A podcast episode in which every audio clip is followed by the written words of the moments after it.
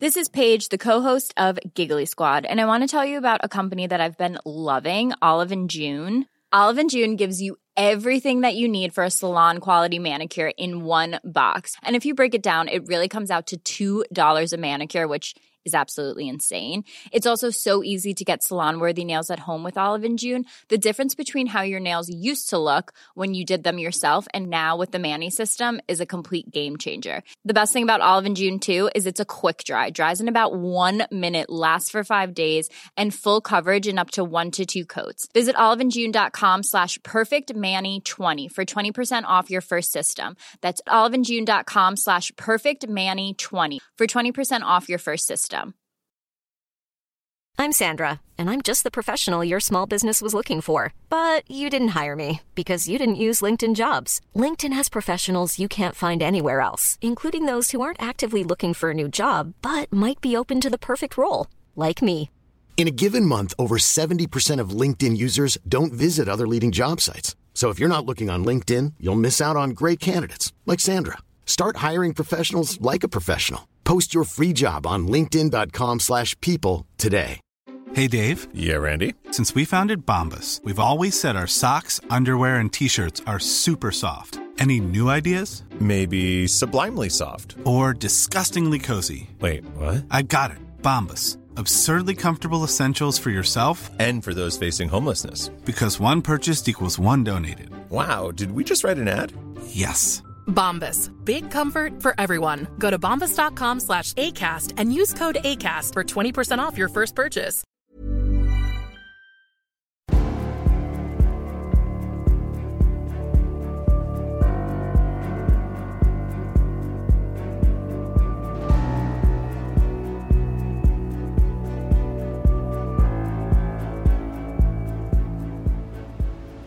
Du lyssnar på podcasten Samtal, en podcast med fokus på fria samtal. Jag heter Jannik Svensson och jag vill bjuda in dig till vår samtalsgrupp på Facebook. Länk till den hittar du på hemsidan www.samtal.ax. Jag blir också superglad om du vill vara med och hjälpa att stödja det här projektet. Det kan du göra på www.patreon.com samtal eller genom att swisha mig på nummer 070-3522 472. Länkar och nummer hittar du på hemsidan www.samtal.ax. Jag släpper nya samtal varje onsdag året runt och tar tacksamt emot tips ifall det finns någon du vill höra i podden. Idén bakom podden är att fokusera på fria samtal. Vi tror att öppenhet är grunden för det demokratiska samtalet och vill uppmuntra dig som lyssnar att exponera dig för samtal med någon du inte håller med om. Jag heter Jannik Svensson och du lyssnar på podcasten Samtal. Nils Littorin är läkare och partiledare för det lokala partiet Malmölistan. Han är före detta medlem och styrelseledamot för Kommunistiska partiet. Eh, nu sa jag fel så jag får börja om. Jag sa någonting helt annat. Nils Littorin är läkare och partiledare för det lokala partiet Malmölistan. Han är före detta medlem och styrelseledamot för Kommunistiska partiet. Välkommen hit Nils Littorin. Ja, tack så mycket. Kul att vara här. Ja, eh, det är många som efterfrågar eh, att jag ska ta mig in i den här eh, lokalpartitrenden som håller på att ske just nu. Det vill säga att det startas lokala partier som Malmölistan och Örebropartiet och så vidare. Så det är jättekul att få ha dig med som första företrädare för ett sådant parti. Okej, ja, skoj. Du kan väl berätta lite, vad, vad, vad är tanken bakom Malmölistan? Nej, det är väl att eh, ge eh, Malmöborna chansen till ett lokalt parti som inte i första hand är intresserad av makt, pengar och eh, egna fördelar eh, som de flesta andra politiker verkar vara intresserade av. Alltså att någon slags eh, jakt på eh, status och Vi får, nästan, eh, vi får nästan börja om för att du blåser lite i mikrofonen där. Okej, ja, det är nog för att jag håller den så nära. Ja, försök hålla den lite längre ifrån så kan jag dra upp ljudet istället. Så. Ja. Du kan börja om helt från början och berätta lite om, om Malmölistan. Ja, Malmölistan bildades av mig för lite drygt ett år sedan eh, eftersom jag tröttnade på vänstern. Jag har ju varit med i vänstern eh, i kommunistiska partiet och eh, i andra föreningar, rörelser kring eh, vänstern i 20 år eh, minst. Och jag tröttnade på deras verklighetsfrånvända, problemförnekande uppfattningar och politik och kände att det här, jag måste göra någonting helt annat än det jag håller på med just nu, annars så kommer jag själv att tröttna på, på politik helt och hållet. Eh, och eh, Malmölistan är ju ett lokalparti som ser problem där Malmöborna finns på sina jobb, sina bostadsområden och försöker hitta konkreta, smarta lösningar på de problemen. Eh, vi tillhör inte något av de gamla blocken, alltså det röda och blåa blocket. Vi håller oss ifrån det så att säga och försöker se sakfrågan snarare än vilken ideologisk färg eh, en person har som presenterar ett problem eller en lösning på ett problem. Mm. Och då snackar vi alltså helt partipolitiskt obundet. Det kan komma folk från, eh, från högern, från vänstern, från Miljöpartiet, Liberalerna, Centern och så vidare. Ja, ja, alltså i vårt parti så är alla välkomna. Ehm, vi har folk som har röstat på SD innan, eh, folk som har röstat på sossarna, folk som har röstat på vänstern. Det spelar liksom ingen roll för mig så länge du kan presentera en, eh, ett bra förslag, så länge du har en idé som, som jag tror funkar, som man kan förverkliga, så vad du sen liksom, ja, om du gillar att ha blå eller röda tröjor på dig, det, det, om du gillar att demonstrera på första maj eller om du gillar att, att liksom åka ut med familjen eh, på utflykt den dagen, det, det, spelar liksom inte mig någon roll. Utan det viktiga är att vi ser till att vi kan förbättra eh, Malmö för vanligt folk, alltså att det är tryggt på gatorna, att människor har arbete istället för bidrag, eh, att eh, man ska känna att man inte ska behöva skämmas för att säga att man kommer från Malmö. Mm. Eh, är du fortfarande kommunist i, i hjärtat eller har du liksom gjort en politisk sväng själv? Alltså ordet kommunist har ju blivit ett fult ord. Det, det, har, det, det, har en väldigt belastad historia kan man säga. Va? Eh, så att jag, jag undviker att kalla mig för kommunist utan jag, jag, har, jag har kvar mina uppfattningar om rättvisa, eh, om solidaritet, om eh, mycket annat, eh, om att Sverige ska vara ett självständigt land, att vi inte ska vara beroende av EU eh, eller andra stormakter utan att vi, vi ska kunna försörja vår egen befolkning Eh, och att även de som inte syns i tv varenda dag utan de som jobbar och sliter ihop eh, vårt välstånd, de ska ha mer demokrati och mer att säga till om. Så att de grunduppfattningarna har jag kvar. Eh, så att om någon frågar så som du gör nu så säger jag kanske att jag är marxist eller att jag har en materialistisk historieuppfattning. Mm. Och du skrev en en ganska uppmärksammad debattartikel i Expressen eh, i december 2019 där du förkunna inför eh, riket eller kungadömet att du nu lämnar eh, en illröd sekt som du kallar det. Ja, precis. För mig var det på något sätt viktigt att göra ett avstamp och berätta varför jag lämnar det här partiet som jag var med i då Eh, Eh, och varför jag vill göra någonting nytt. Och det är ju, var inte, det var till viss del tillfredsställande för egen del att få skriva av mig, men det är också för att berätta, för jag vet ju att det finns tusentals andra sådana som mig där ute som vill ha rättvisa, som vill ha eh, så att säga, som inte vill sälja ut svenska folkets sjukvård, skola, eh, Eh, och privatisera den till riskkapitalister som vill, eh, vill ha ett eh, eh, alliansfritt och neutralt Sverige som vill eh, samtidigt att, men sa, som samtidigt vill att vi ska ha tuffa tag mot brottsligheten, eh, en väldigt stram invandringspolitik eh, och att vi ska pr börja prioritera de som bor i Sverige eh, framför utländska medborgare och framför andra Eh, intressen som in, inte har att göra med, som inte vi som redan bor här tjänar på. Eh, jag kan ge många exempel på vad jag menar med det. Va? Men, eh, alltså, egentligen så handlar det om att gå tillbaka till arbetarrörelsens grundläggande uppfattningar om hur man ska eh, bygga ett land, eh, om vem som ska ha betalt och vem som inte ska ha eh, betalt. Mm.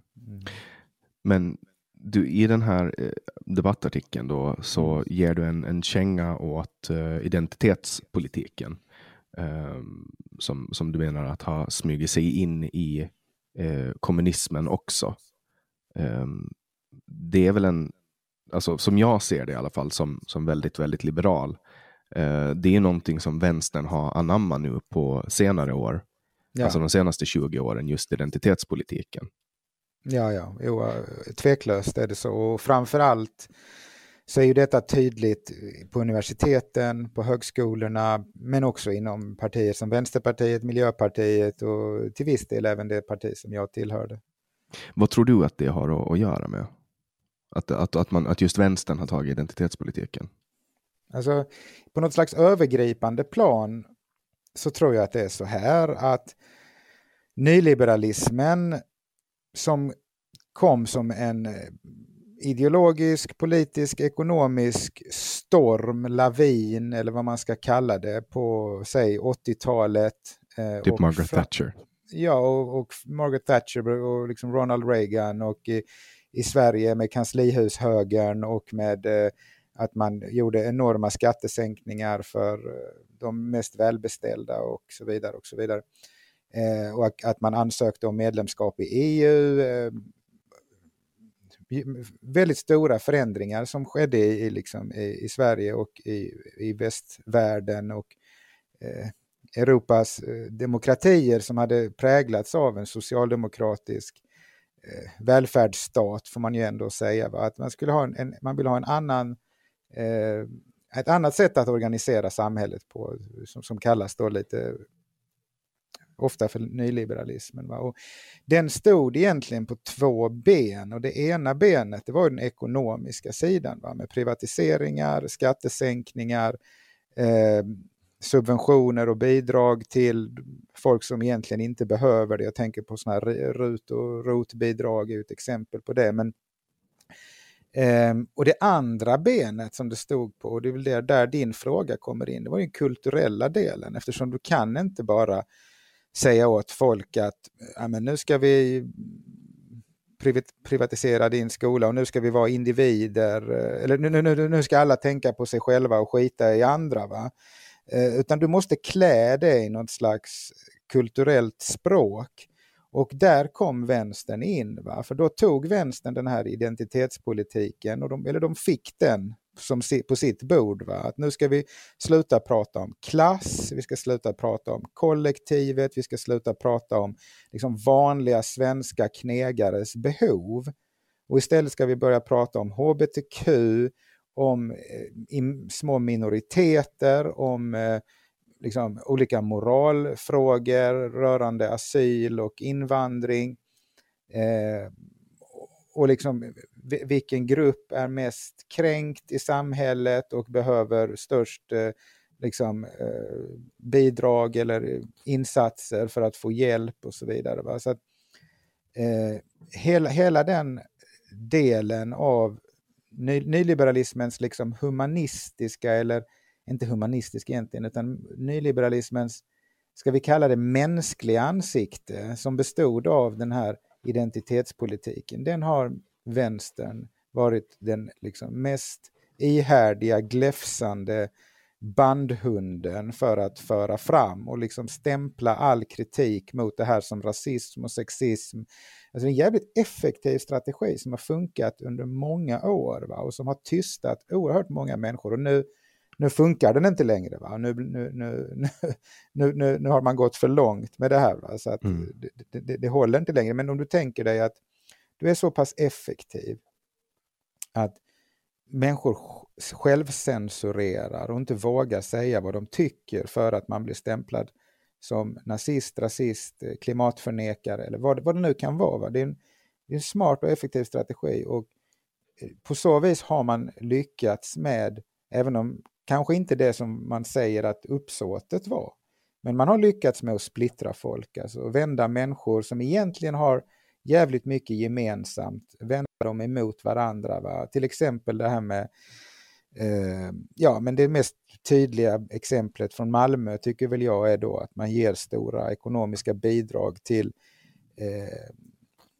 islamistiska föreningar. Eh, vi pratar alltså om mångmiljonbelopp som de här eh, och, och de här islamistiska föreningarna har som enda syfte att segregera Sverige, att plocka desperata eh, människor, liksom, eller människor som inte vill, kan eller har möjlighet att integrera sig, eh, plocka dem och eh, skapa en subkultur av väldigt indoktrinerade religiösa, reaktionära eh, följare eh, som i slutändan har som mål att bygga någon typ av eh, islamistiskt, eh, separatistiskt samhälle, kanske rent av ett kalifat eh, i delar av Sverige. Va? Mm. Eh, och jag, och, mm, jag, jag, delar din analys till del när det kommer till, till um, politiken och jag kan tänka mig att du ser det lite annorlunda eftersom du, du har varit en del av vänstern som har liksom anammat den här identitetspolitiken och kanske främst har använt den mot folk. För att det är det, identitetspolitik används ju ofta mot folk. Eh, men, men jag då som, som ja, men nyliberal, eh, om, om man vill kalla det det, eller libertarian, eh, eller vad man nu väljer att kalla det, klassisk liberal som jag kallar det, jag, jag ser det mera som att vänstern har anammat de här idéerna av identitetspolitik för att det är en affärsidé som funkar vid revolutionernas tid då i början på 1900-talet. Att man, man sa till folk, du är förtryckt. Um, det vi ska göra är att vi ska sammansluta bakom den här fanan, vi ska starta det här förbundet och sen ska vi göra revolution och, och vi gör det här tillsammans. Uh, och, och, nu har man bara försökt liksom um, göra det på nytt då, eftersom det har varit en affärsidé som har funkat tidigare och Sovjet höll ganska länge då, relativt länge i alla fall. Um, och att man då säger till folk att du är förtryckt, till exempel, du är homosexuell, du är förtryckt, uh, vi har lösningen åt dig. Så att man liksom förklarar för människor att de är förtryckta och sen säljer man sig själv som, som lösningen på deras problem. Och att det har man nu gjort med massa, massa olika små grupper. Och, och, och, jag kan eh, se att, att vem som helst, alltså enligt den logiken, vänsterlogiken, kan falla in i någon av de facken. Till exempel, jag må vara en, en vit man, eh, en, men, men jag är också eh, till exempel utsatt av kapitalismens förtryck. Jag är utsatt av, för eh, det stressiga samhälle som gör att, att eh, vi människor mår dåligt och, och därför bör jag rösta på Socialdemokraterna eller Miljöpartiet eller Vänsterpartiet. Mm. Att man liksom ja. säljer en bild till folk att det här är du, man stoppar in dem i en grupp och så förklarar man för dem att den här gruppen är utsatt och att vi är lösningen. Jo, alltså, det håller jag med om att alltså, så är det idag. Och, och, att det är en slags, ja, det finns ju människor som har det som en affärsidé, som har, har egna företag och mångfaldskonsulter till exempel. Eller, genuspedagoger. Eh, genuspedagoger, hbtq-präster. Det, det, finns en hel flora av... av Genusfotografer. Ja, nej men det, det är liksom... Eh, så visst är det så idag att, eh, att människor har detta som ett gebit att, eh, att uh, rida på den här identitetspolitiska vågen så långt det går. Och jag tror att som sagt, universitet och högskola är där det har gått allra, allra längst. Alltså in, framförallt då inom den, eller nästan enbart inom den eh, samhällsvetenskapliga eh, delen av universiteten. så att säga. Bara det att man har en, prof, alltså, eh, en, en helt ämne som är genus, Eh, vetenskap, så att säga, där man har massvis med högavlönade professorer och så. Det säger ju väldigt mycket om, om utvecklingen. Men mm. Jag vill ju påstå det... att det inte är en vetenskap utan att det är studier. Att det borde kallas vet, alltså genusstudier och inte genusvetenskap. Ja, ja nej, men det är ju absolut ingen vetenskap och det skulle kunna falla inom ramen för uh, samhällsstudier eller någonting sånt. Men, men det tycker jag man får skilja på det som eh, var anledningen till att arbetarrörelsen i Sverige en gång bildades. Eh, alltså jag, kommer, jag bor då i Malmö och eh, det sägs att socialdemokratin föddes här med skräddaren August Palm. En eh, arbetaragitator som eh, gav sig fan på att han skulle sprida socialismen till Sverige och eh, lyckades ganska så bra med det också. Tyvärr. Men Ja, tyvärr enligt vissa. Men eh, för, för de som tycker om att ha eh, fyra, fem veckors semester och ledigt eh, på helgerna och sånt så, så kanske det var bra vissa grejer också. Ja, vi ska antagligen ha fått det ändå, tänker jag. Tror du? Ut, ut, utan en stark arbetarrörelse så är det många av de rättigheter som, som vi inte hade fått. Men det vet man ju amerikanska, alltså. amerikanska jobbare har ju inte samma rättigheter som vi har i Sverige. Alltså. Mm. Man kan ju vrida och vända på det hur länge som helst, men jag tänker ju att mm. typ kvinnlig rösträtt och sådana saker föds ur det gemensamma eh, summan av människors eh, pålästhet och tankar om frihet och så vidare. Eh, och detsamma gäller de här olika reformerna som har skett. Alltså, kollar vi på det ekonomiska uppsving som Sverige hade så är ju det en ganska stor anledning till att man kunna frigöra eh, arbetare på det sättet som, som man gjorde med de här förordningarna. Jag tänker att det finns flera olika orsaker, att det är inte bara ett, ett politiskt parti eller bara en rörelse som har gjort det. Nej, absolut inte, utan den ekonomiska utvecklingen skapar ju förutsättningarna i ett land för Sverige för att kunna göra reformer, men den ekonomiska utvecklingen och BNPs kraftiga ökning efter kriget och så vidare, det hade ju kunnat användas till att enbart eh, gynna vissa grupper i samhället, men man valde ju ändå att ha ett pensionssystem till exempel. Som innan var det ju bara vissa, de, vissa grupper i samhället som fick en pension. Alltså de rika hade ju alltid sina pengar. Liksom så, va? Och, och sen hade man då, tjänstemännen hade en, en pension, men arbetarna ville också ha en pension som de kunde leva på och det var en klasskamp. Där var det, alltså, där var det eh, fotfolket, arbetarna nere på golvet som runt om i Sverige organiserade sig. Och vet du vem det var som till sist röstade, för att det var helt jämnt i dåvarande riksdagen. Men det var en liberal som till, till slut sa att nej fan, jag kan inte gå tillbaks till jobbarna på golvet och rösta nej till det här. För han var själv eh, någon typ av, av knegare då, va? men satt mm. för eh, eh, eh, liberala partiet då. Folk, Folkpartiet, eller hette det rent av liberala partiet? Ja, det kan ha hett, det kommer jag inte ihåg just nu om det var Folkpartiet eller Liberala partiet. Men, men, eh, men det var en liberal va, som, som var på tungan på vågen och, och, och Liberalerna har ju stått nära arbetarrörelsen i många frågor. Va? Eh,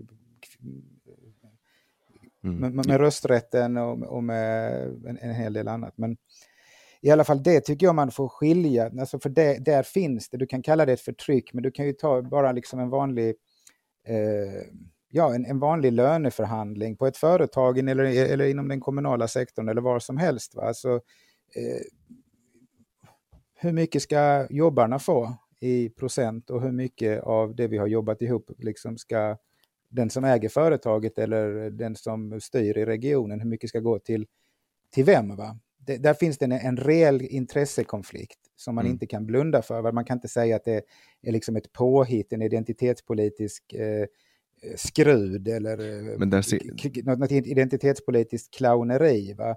Men däremot när någon kommer och säger då att mina, för, mina, mina liksom förfäder i Afrika blev utsatta för svensk slavhandel på 1600-talet så därför ska ni betala mig en massa pengar för annars är ni rasister. Det är ju liksom metafysik, det är inte någonting som har med verkligheten att göra. Ja, då har man inte läst mycket om Gustav IIIs slavhandel heller. Nej, och det har ju och då har man, Och då har man inte heller eh, kollat på hur, hur till exempel eh, slavhandeln i Mellanöstern fungerar.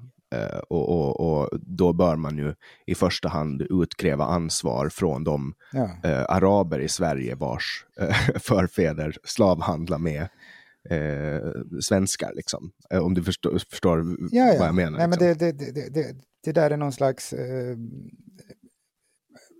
historiechauvinistisk, eh, liksom omvänd rasism nästan. Ehm, så, så, och, och, som, som är liksom ett slags falskt medvetande, eller en produkt av den här människans fantasi som, som han använder för att, för att som du sa då, va, eh, ja, var, skapa ett varumärke eller liksom få, få, få ett, en affärsidé kan man väl kalla det. Va?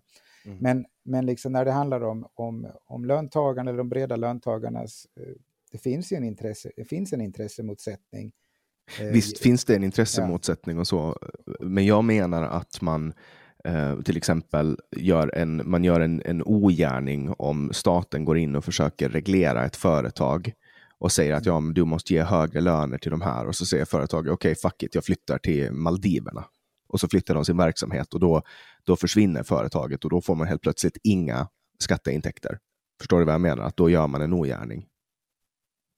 Ja, nej, det, alltså, hur man ska lösa det, det, det kan vi diskutera, va? Men, men jag tycker att din jämförelse med identitetspolitikerna av idag och jämföra det liksom med arbetarrörelsens pionjärer, eh, då tycker jag att då har man missat att det finns ett, en faktisk och liksom eh, materiell eh, grund till arbetarnas missnöje och till deras organisering. Eh, så att säga. Va? Ja, då var det ju på liv och död. Nu är det ju på människors kränkthet det hänger på. I, i det mesta. Nej det, att... alltså, ja, nej, det hänger inte på liv och död idag på det sättet. Nej, men alltså, då? Ja, ja, men, men nej, precis. Men, men, men ja, fast ä, även idag så handlar det inte om, liksom, i första hand om, om LO-kollektivet är kränkt eller inte, utan det handlar om, eh, har, har, har de sådana arbetsvillkor så att det till exempel är tryggt att gå till jobbet? Alltså är det, ska man behöva riskera att, att skadas eller liksom eh, fara illa, till och med dö på jobbet? Va? Det är ändå 50 stycken som gör det. Va? De flesta av dem är byggnadsjobbare, industriarbetare.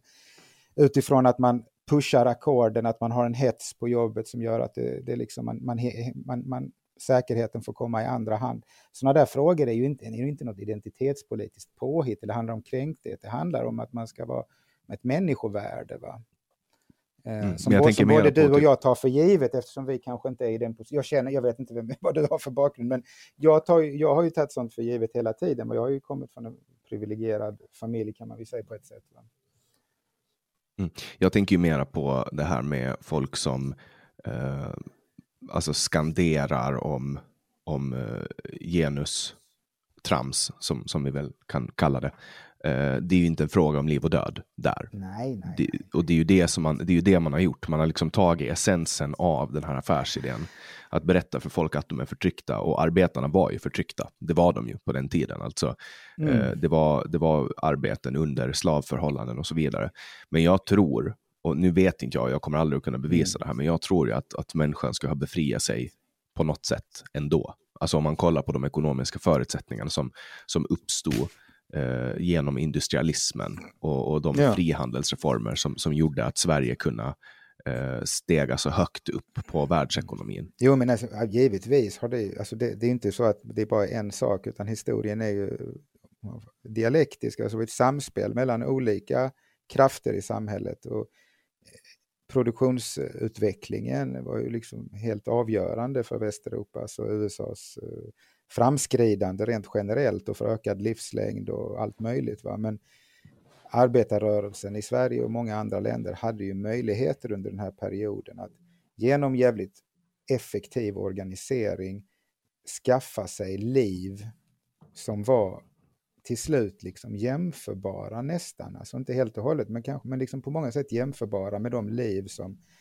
ja, läkare, tjänstemän eh, levde och hade levt. Alltså man, man fick en, en, en väldigt man, man kom inte såklart eh, upp till deras nivå helt och hållet, men man fick en, en, en pension man kunde leva på, man hade rena och fina bostäder, eh, man hade en lön som, som, som liksom var hyfsad. Eh, och, och, det var tryggt och säkert där man bodde. Va? Och liksom skolan funkade och tågen kom i tid och sådana här saker. Har jag hört i alla fall. Ja, det kanske var bättre förr. Det, ja, men det, var, det är klart att det var sådana saker var ju bättre förr. Va? Det ska man inte sticka under stolen. Alltså nu om man tittar på Malmö, eh, alltså jag vet inte var man ska börja liksom, men jag menar vi har ju 14-15 procents arbetslöshet innan corona. Och då ska man ju veta att på liksom, när jag föddes och när mina föräldrar var i den ålder jag är idag, runt 40, eh, då hade det utlöst en regeringskris och ett, antagligen ett nyval. om man hade haft en arbetslöshet över 10 procent. Alltså ja, eller en kommun som inte lyckades ja. eh, dra sig själv ekonomiskt. Ja, nej men det hade, det hade liksom... Det, det är sådana två helt skilda världar. Eller om man hade haft liksom typ skjutningar eh, en gång i veckan, liksom, såna här tonårs, eh, tonåringar liksom, som gör drive-bys och liksom massakrerar. Alltså, hur kan en sån politiker eh, som, som har detta under sig få sitta kvar? Som Katrin Stjernfeldt Jamme som är sossepampen i Malmö. Hon har suttit nu som kommunstyrelsen ordförande i, det blir nästan, jag tror det blir tio, nästan tio år näst, vid valet nästa år. Och att hon, har fått, att hon överhuvudtaget liksom inte har blivit utslängd därifrån med huvudet före i något av föregående valen är helt ofattbart. Nej, men de skyller, ju, de skyller ju bara på andra. Det är ju det som är grejen. Det finns ju inget utkrävande av ansvar Nej. i dagens eh, socialdemokrater. Det fanns det ju förut när Mona Salin fick avgå på grund av Toblerone. Hon, hon köpte en Toblerone. Liksom. Det var ju avkrävande av ansvar. Ja. Men det där har man ju liksom tagit bort. Alltså genom att reagera på sättet man har gjort eh, på politiska skandaler så har man också fått det utfallet som, som man har fått nu. Det är väl bara att kolla på Anders Ygeman och, och, och Transportstyrelseskandalen. En av de största mm. dataläckorna, eller dataskandalerna eh, som har skett i, i svensk eh, IT-historia. Och mm. sen blir den snubben IT-minister i nästa regering. Ja, den här Ygeman, alltså vilket stolpskott. Han är nog den sämsta nej, det är han inte, men en av de absolut sämsta ministrarna i, i, den, i den nuvarande regeringen. Det finns de som är sämre. Men han, Morgan han är, Johansson. Ja, Morgan Johansson tänker jag på då. Va? Men, men, eh, men han är absolut en stark tvåa i alla fall. Va? För att inte nog med det du berättar nu, att han, att han inte att han gör bort sig så fullkomligt liksom. Utan nu ska han införa den här corona eh, passen, corona digitaliseringsdespotin eh, över Sverige också då. Va? Och står och skryter på Twitter om det, att nu, har snart, nu fixar vi snart de här coronapassen. Var är diskussionen om det här? Liksom? Att, att man ska stänga av människor från sin grundläggande ja, frihet om ja, man inte har tagit ett vaccin ja, som, helt... som vi vet att ger blodproppar. Som, som där det finns en risk att få blodproppar. Alltså, hur, hur sjukt är inte detta? Alltså, detta, detta? Detta är ju som en sån här framtidsdystopi när man var liten och spelade MUTANT som rollspel då. Va? Att där, typ sån här dystopi att ja, men du, du har inget eh, sånt här eh, viruspass och du får inte komma in i den zonen. Ja, men det fanns ju sådana upplägg liksom på de här eh, dystopiska eh, rollspelen för, för nördiga tonåringar som jag tillhörde en gång. Va? Eh, men, men nu är det verklighet och jag trodde fan aldrig att man skulle, jag hade aldrig kunnat föreställa mig att, att det skulle vara, bli så att liksom, och nu så här kommunpolitiker, nu ska vi stänga av parken idag i Uppsala för att, ja men eh, du vet, vi vill. Det, det blir smittspridning annars. De, det vet väl inte, vad, vad grundar ni det på? Ni har, det har väl för fan inte de kommunpolitikerna en susning om hur smittspridningen är utomhus en typ vanlig lördag men nu pratar vi ändå kommunpolitiker i Sverige som, som till exempel de på Öland som, som utlyste klimatnödläge i Öland. alltså det här är ju det här är alltså människor som, eh, som det är viktigare för dem att göra det som känns rätt än att, att agera i enlighet med vetenskap. Ja, ja. Ja, nej, men absolut. Och du vet, när man spelade brännboll i skolan så fanns det, det runda, liksom ordentliga slagträt, och, typ som ett baseballträ. Och sen fanns det ett dasslock, så man inte någon fumlig kille eller tjej så bara, ja, dasslocket kommer fram, nu tar vi en lyra. Det, så ser jag uh, ut. Eh, de hade många bra andra kvaliteter, jag ska inte kränka någon här, men så ser jag kommunpolitikerna, särskilt kommunalråden. Det är de här dasslocken, sistahandsvalen, eh, de som liksom aldrig blir valda först i fotbollslaget eller någonting sånt. Alltså, medelmåttor, mediokra personer som har klättrat inom sina egna partiapparater och nu sitter och stänger av parker, hotar med att stänga av badstränder för vanliga hårt arbetande svenskar på grund av någonting de kallar smittspridning. Men vi vet ju från studier och från när man har analyserat det här att smittspridning utomhus är nästintill obefintlig Den finns liksom inte. Alltså 0,1 procent visade en undersökning av fallen av, av covid är, sker utomhus. Och om man då dessutom lägger till att man är på en strand där det blåser, man har en bris i luften, man är i vattnet, liksom. Alltså där har du inte smittspridning om du inte liksom typ kastar dig över någon och grovhånglar, vilket ju vi sällan gör. Liksom. I Sverige, mm. det är ju samma som med, med travbanorna. Nu ska man ju tillåta restaurangerna ta emot mm. besökare på travbanorna men inte publik utomhus. Nej, men du hör ju själv, alltså det, det, det, det, här, de här människorna, de kan ju inte ens se hur ologiska de egna reglerna som de inför är. När alla andra liksom bara, va? Okej, slutar viruset att spridas 2030 när eh, restauranger och barer måste stänga då? Eller när man inte får servera, okej, det, det, det är då liksom smittspridningen slutar. Oh, ja, det är alltså, då den börjar. Ja, precis. Det är då den börjar. Ja, nej, precis, ja. Så mm. att liksom, jag menar så... Så att han är Ygeman, ja, han är, han, är, han, han är liksom, det är vår frontrunner på den här frågan med, med covid-19. Det, det ja, men han, han, och Morgan Johansson har ju någonting, alltså tillsammans med eh, Dan Eliasson, de har ju någonting på partiet som de kan dra fram. Alltså för man kan inte ha så många liv som dem. Nej. Det går inte. Alltså, som till exempel den här skandalen nu, att, eller skandalerna, när de var och handlade på, på shoppingcentrum. Ena dagen står de och säger att ni får inte ja. handla på, ni får inte gå och shoppa, bla bla bla. Och sen gör de det själva. Alltså, det är också sånt som, som en vanlig regering, alltså i en, en normal europeisk ja. regering så, så, så avgår man om det händer en sån grej. Ja, ja, ja visst. Men, men, men inte i Sverige. Nej, nej, nej inte, inte, inte, inte om man är sosse 2021 liksom. Nej, det är helt otroligt. Alltså, och det är ju det här, det är ju, de, de sätter ju normen för vad, alltså, de ställer ju prejudikaten för vad som krävs för att man avgår från en regering. Ja, ja. Sen finns det ju de som avgått från regeringarna av andra orsaker, alltså som till exempel Margot Wallström. Jag tror inte att hon slutar frivilligt, men hon, mm. hon gav man ett, ett toppjobb istället i FN. Mm. Alltså hon, hon, hon var ju en destruktiv kraft för Sverige när hon erkände Palestina som stat och retade upp både araberna och judarna.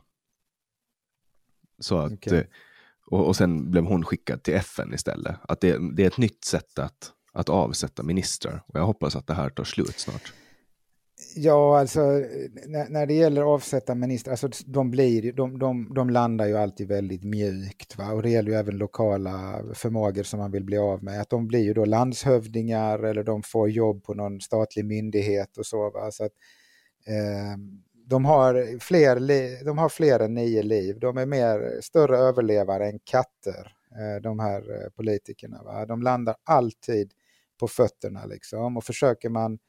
Eh, alltså, har de eh, 90 000 i månadslön som kommunalråd och eh, ja, det uppstår någon mutskandal eller någonting så avgår de ju för det första då inte.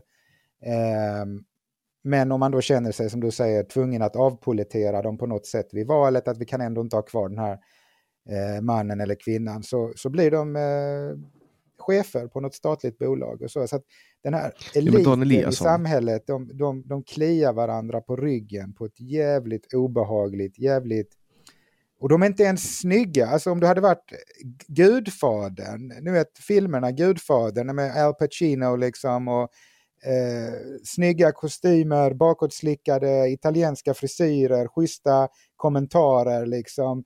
Fredo, don't ever go against your family again, ever. Nej men alltså sådana grejer, va? då hade man inte kunnat köpa det. Men här har vi bara de här jävla lönnfeta, eh, liksom medelmåttiga dasslocken som, som håller på och eh, anställer varandra.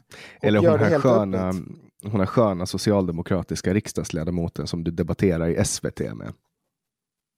Ja, jag, jag vet inte ens vad hon är, jag har aldrig sett henne innan, men hon, hon, var, hon, visste, hon kunde inte ens sin fråga. Liksom. Och här sitter hon och är minister. Alltså, det handlar om narkotika... Jag tror hon är riksdagsledamot. Ja, okej, hon är riksdagsledamot. Men alltså, här handlar det om narkotikapolitik. Då, va? Och det är en fråga då som jag har intresserat mig för. Och liksom, så jag, jag, jag är inte någon superexpert, men jag kan lite grann. Va? Men man märkte ju på henne, hon kunde ju inte ens liksom ABC. Nej, nej hon kunde verkligen, hon, hon visste verkligen ingenting. Och jag rekommenderar alla att kolla på det. Det var, visst var det Agenda? Nej, det var eh, Sverige möts heter det. Och det sändes i, det var väl en månad sedan drygt, två månader sedan kanske som jag var med där. Mm. Mm, det finns på SVT Play för, för de som inte vägrar SVT.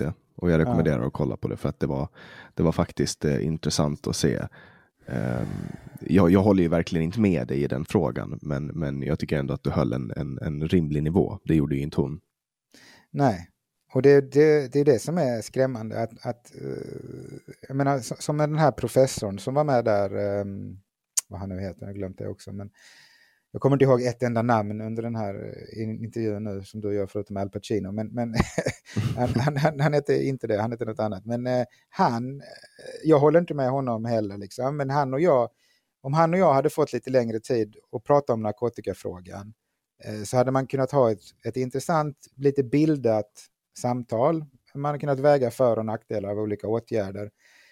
Eh, men det förutsätter att man kan att man har läst någon slags grundläggande böcker eller artiklar i ämnet. Annars går det ju inte. Då blir det bara, ja men jag tycker så här, Var, varför gör du det då? Ja men så tycker vi i, i, i Sverige. I Sverige.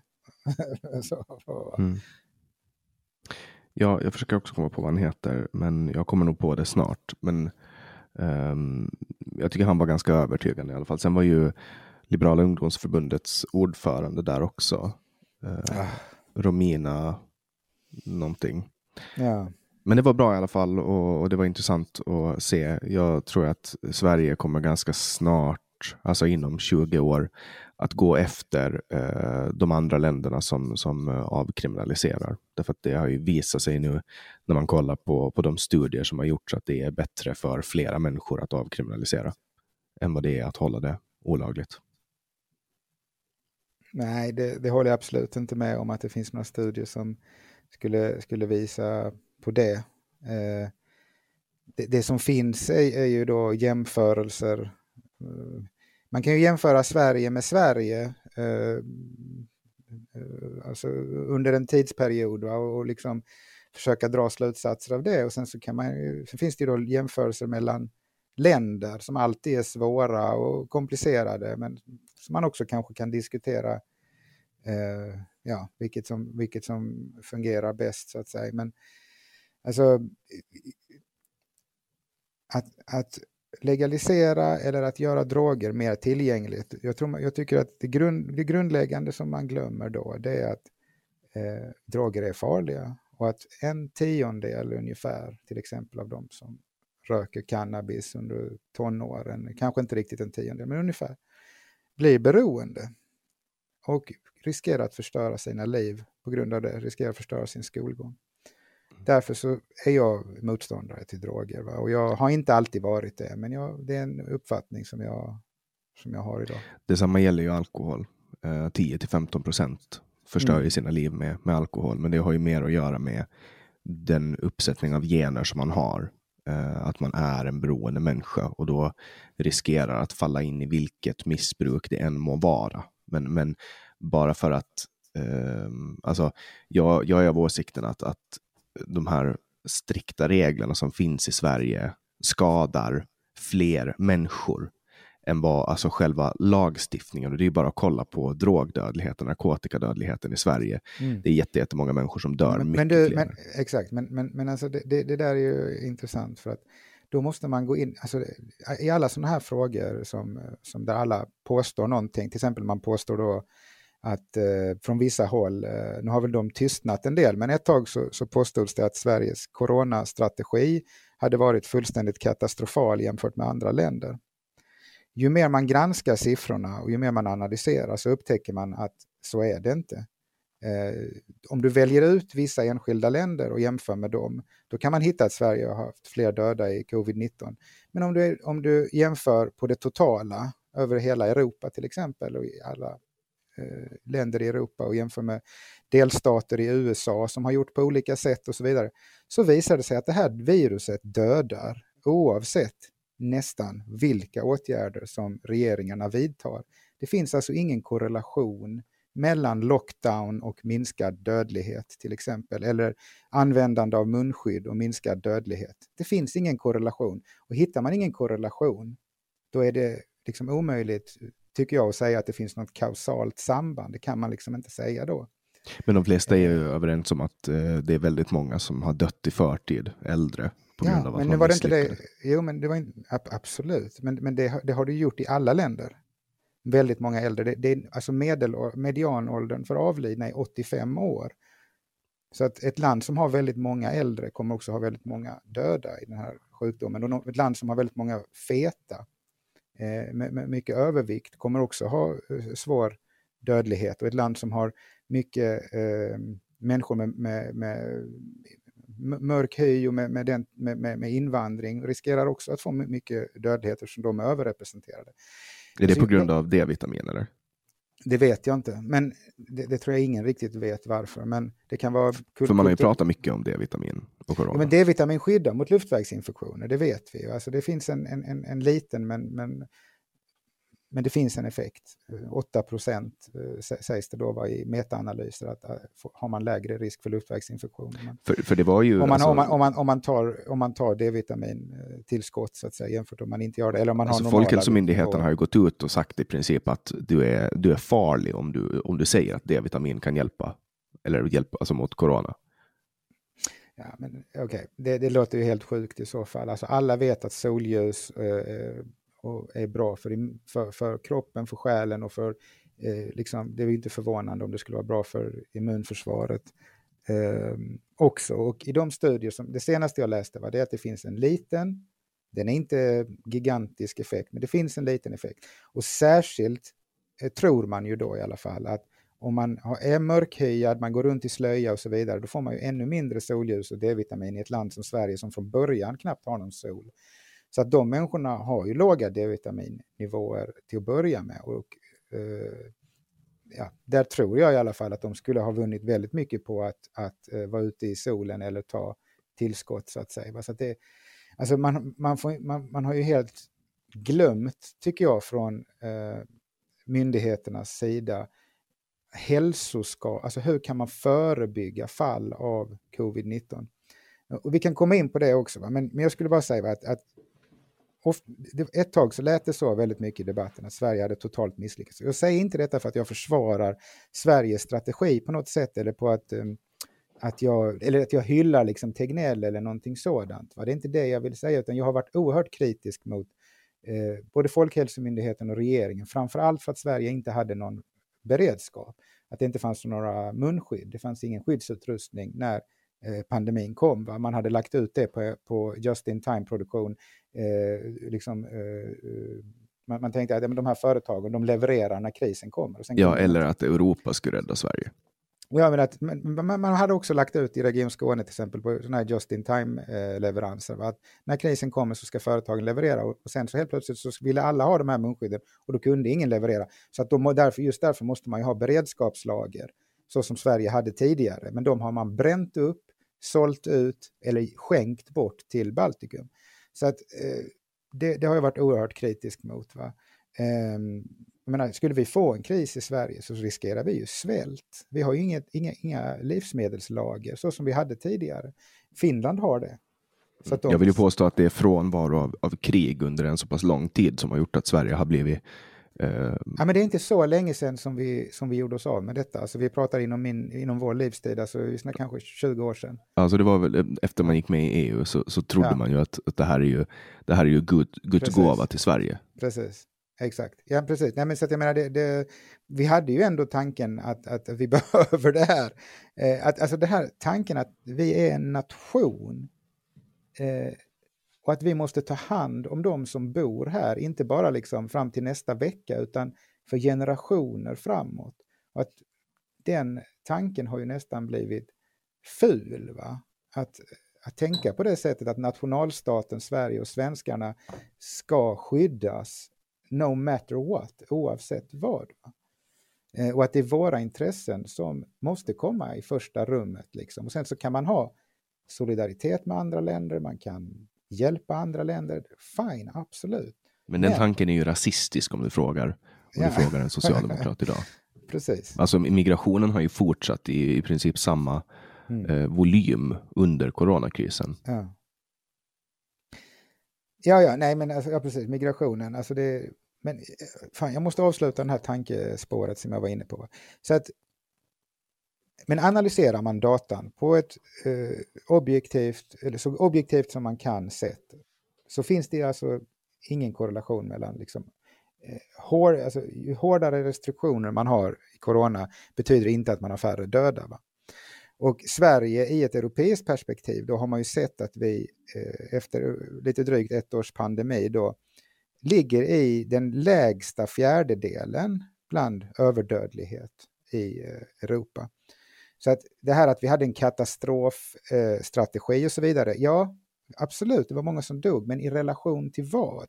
I relation till andra, ska vi är det okej okay att jämföra med andra länder än just Norge och Finland som sticker ut oerhört, alltså de är ju outliers va, i jämförelsen. Om vi bara får lov att jämföra med de länderna som är väldigt olika Sverige på många sätt, då hade vi många fler döda. Men om vi jämför med Belgien, Schweiz, Italien, Spanien, Frankrike, Tyskland, England, då hamnar vi på en helt annan spelplan.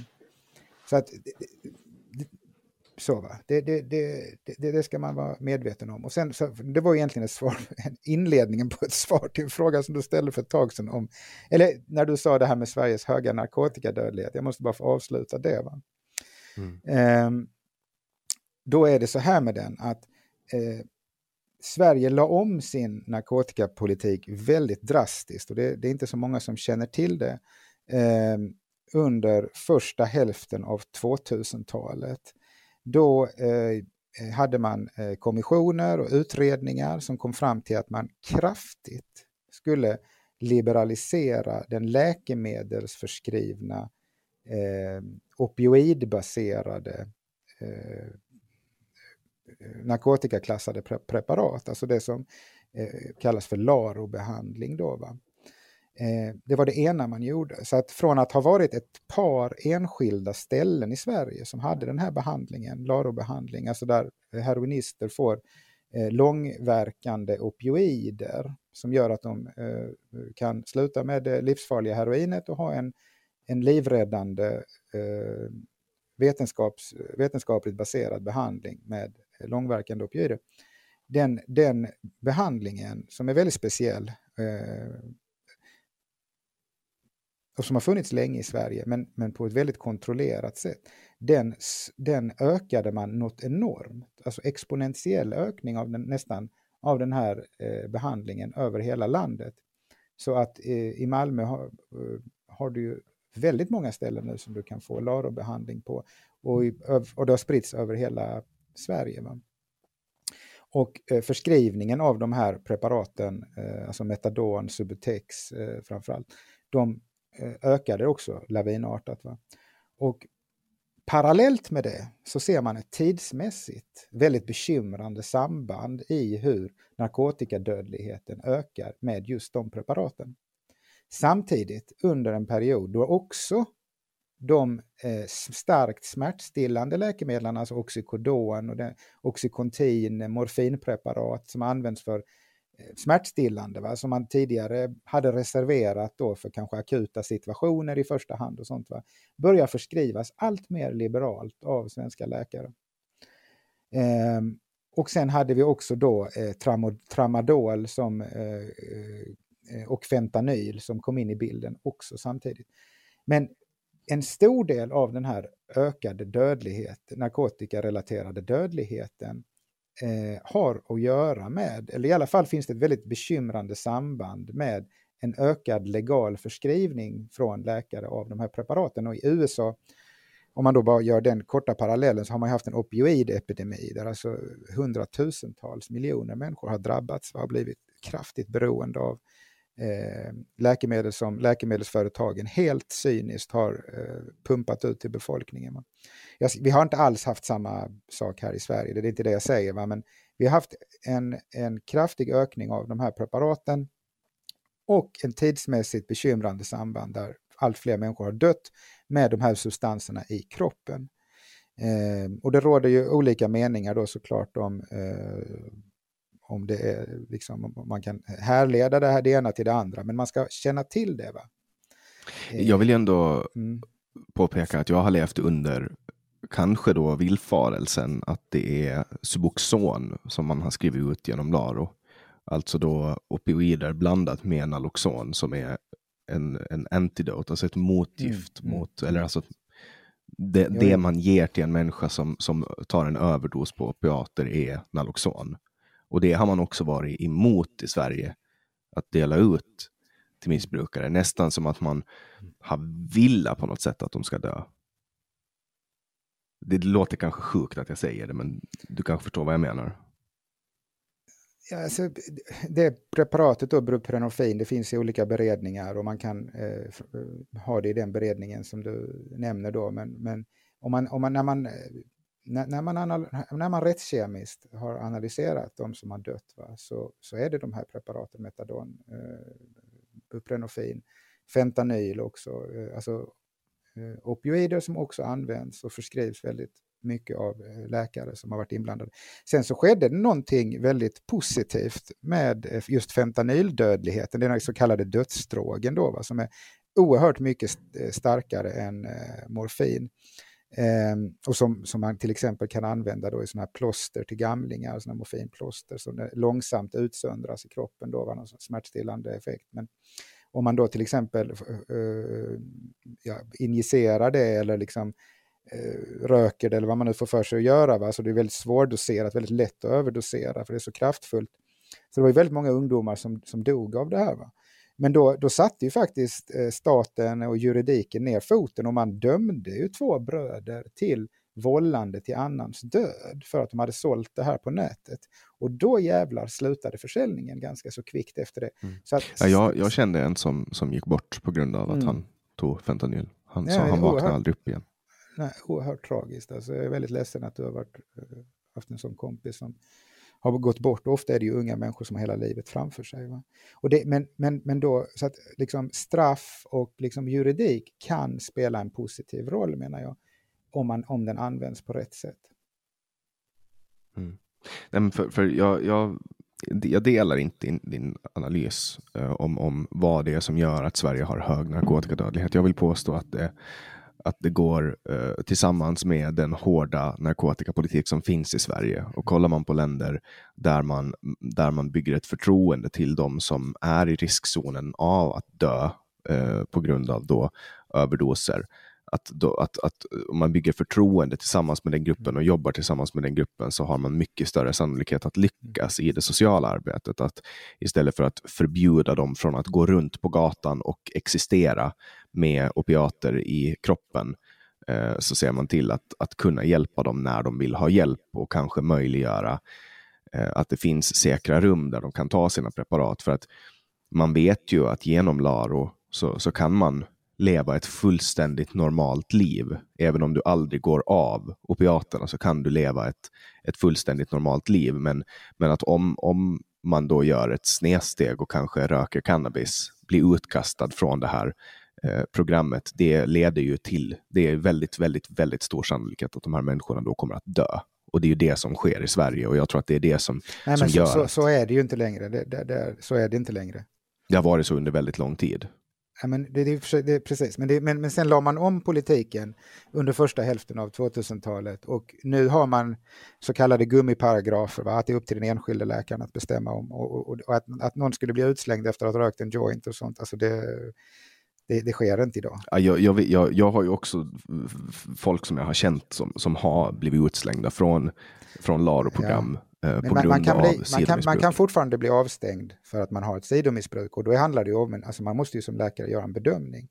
Ja. Eh, så som lagen är skriven idag så har man en skyldighet att, att, att göra en bedömning. Va? Att, att du, du ska veta att när du har eh, dos, de här eh, preparaten i kroppen och du sidomissbrukar, då har du en väldigt hög eh, risk för att dö också. Om du tar bensodiazepiner, alkohol till exempel. Va? Du har en eh, oerhört mycket högre risk att eh, eh, få andningsstillestånd eh, till exempel om du har de här drogerna i kroppen och sen tar kraftfulla andra preparat. Mm. Så att, så att det, det, det, eller liksom tar eh, tar, tar, för mycket och, och blandar och sånt. Va? Det, man måste ju som läkare kunna tillse att man har en säker förskrivning också. Va? Mm. Eh. Men sen har vi också det faktum att eh, 85 procent ungefär då, roughly, av befolkningen klarar av att, att hantera rusmedel, då, alkohol, cannabis och så vidare och så vidare utan mm. att ta det för långt. Och de tar det inte hela tiden, bara för att de tar det ibland. Eh, och att nej, nej den grupp som inte klarar av det ska få diktera politiken för alla andra. Jag tycker att det är, det är, en, det är en bakvänd tanke. Mm. Ja, precis. Men, men alltså det, det, det, det, kan man ju liksom argumentera för, va? Att, att man ska ha mer eh, frihet, om man säger så, på det planet. Va? Bak, my, myntets baksida av eh, eh, fri försäljning eller, eller, eller, eller så, va? Det, det är ju en, en, ökad användning och fler som, som uh, får sina liv förstörda. Alltså. Och det, mm. jag tycker det handlar, för mig, för mig blir det en brist på solidaritet med de som är i de här riskgrupperna då, va, och som riskerar att trilla dit. Jag, jag ser det eh. helt tvärtom. Alltså som, som del av den riskgruppen. Jag är en nykter alkoholist och har då mm. um, alltså, risk att falla in i vilket missbruk det än handlar om i och med att jag har en sån konstruerad hjärna. Mm. Uh, så ser jag det som, som raka motsatsen då, ganska osolidariskt att, uh, att driva på det här. Jag menar ett, ett exempel uh, som jag vet att, att många har. Jag har jobbat mycket då frivilligt med med missbrukare eh, för att hjälpa dem. Det är mitt sätt mm. att, att hålla mig nykter. Att jag jobbar fri, på frivillig basis då, eh, Eh, med att stödja missbrukare. Att, att en, en ganska stor aspekt till hur man kommer in och tar sig vidare till nya droger har att göra med att man kanske börjar röka cannabis. Och cannabis är en, en, en drog där det finns väldigt lite marginal om du säljer den. Den är väldigt otymplig på grund av att den är volymmässigt ganska stor. Eh, den luktar väldigt mycket, så den är lätt att upptäcka.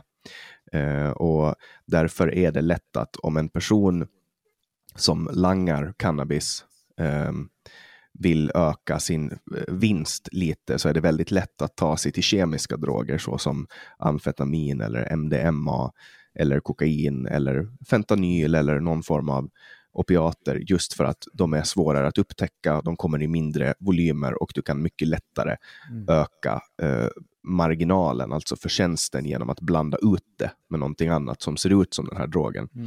Vilket gör att, att du har ett incitament att få folk att börja använda till exempel de här drogerna. Det kommer en ung person som är på väg för att köpa lite cannabis till helgen till en langare och så kanske han eh, blir serverad möjligheten mm. att köpa, men vill du ha lite ecstasy, jag har slut på cannabis idag, men ta ecstasy, det funkar ganska bra, så får du cannabis nästa helg istället.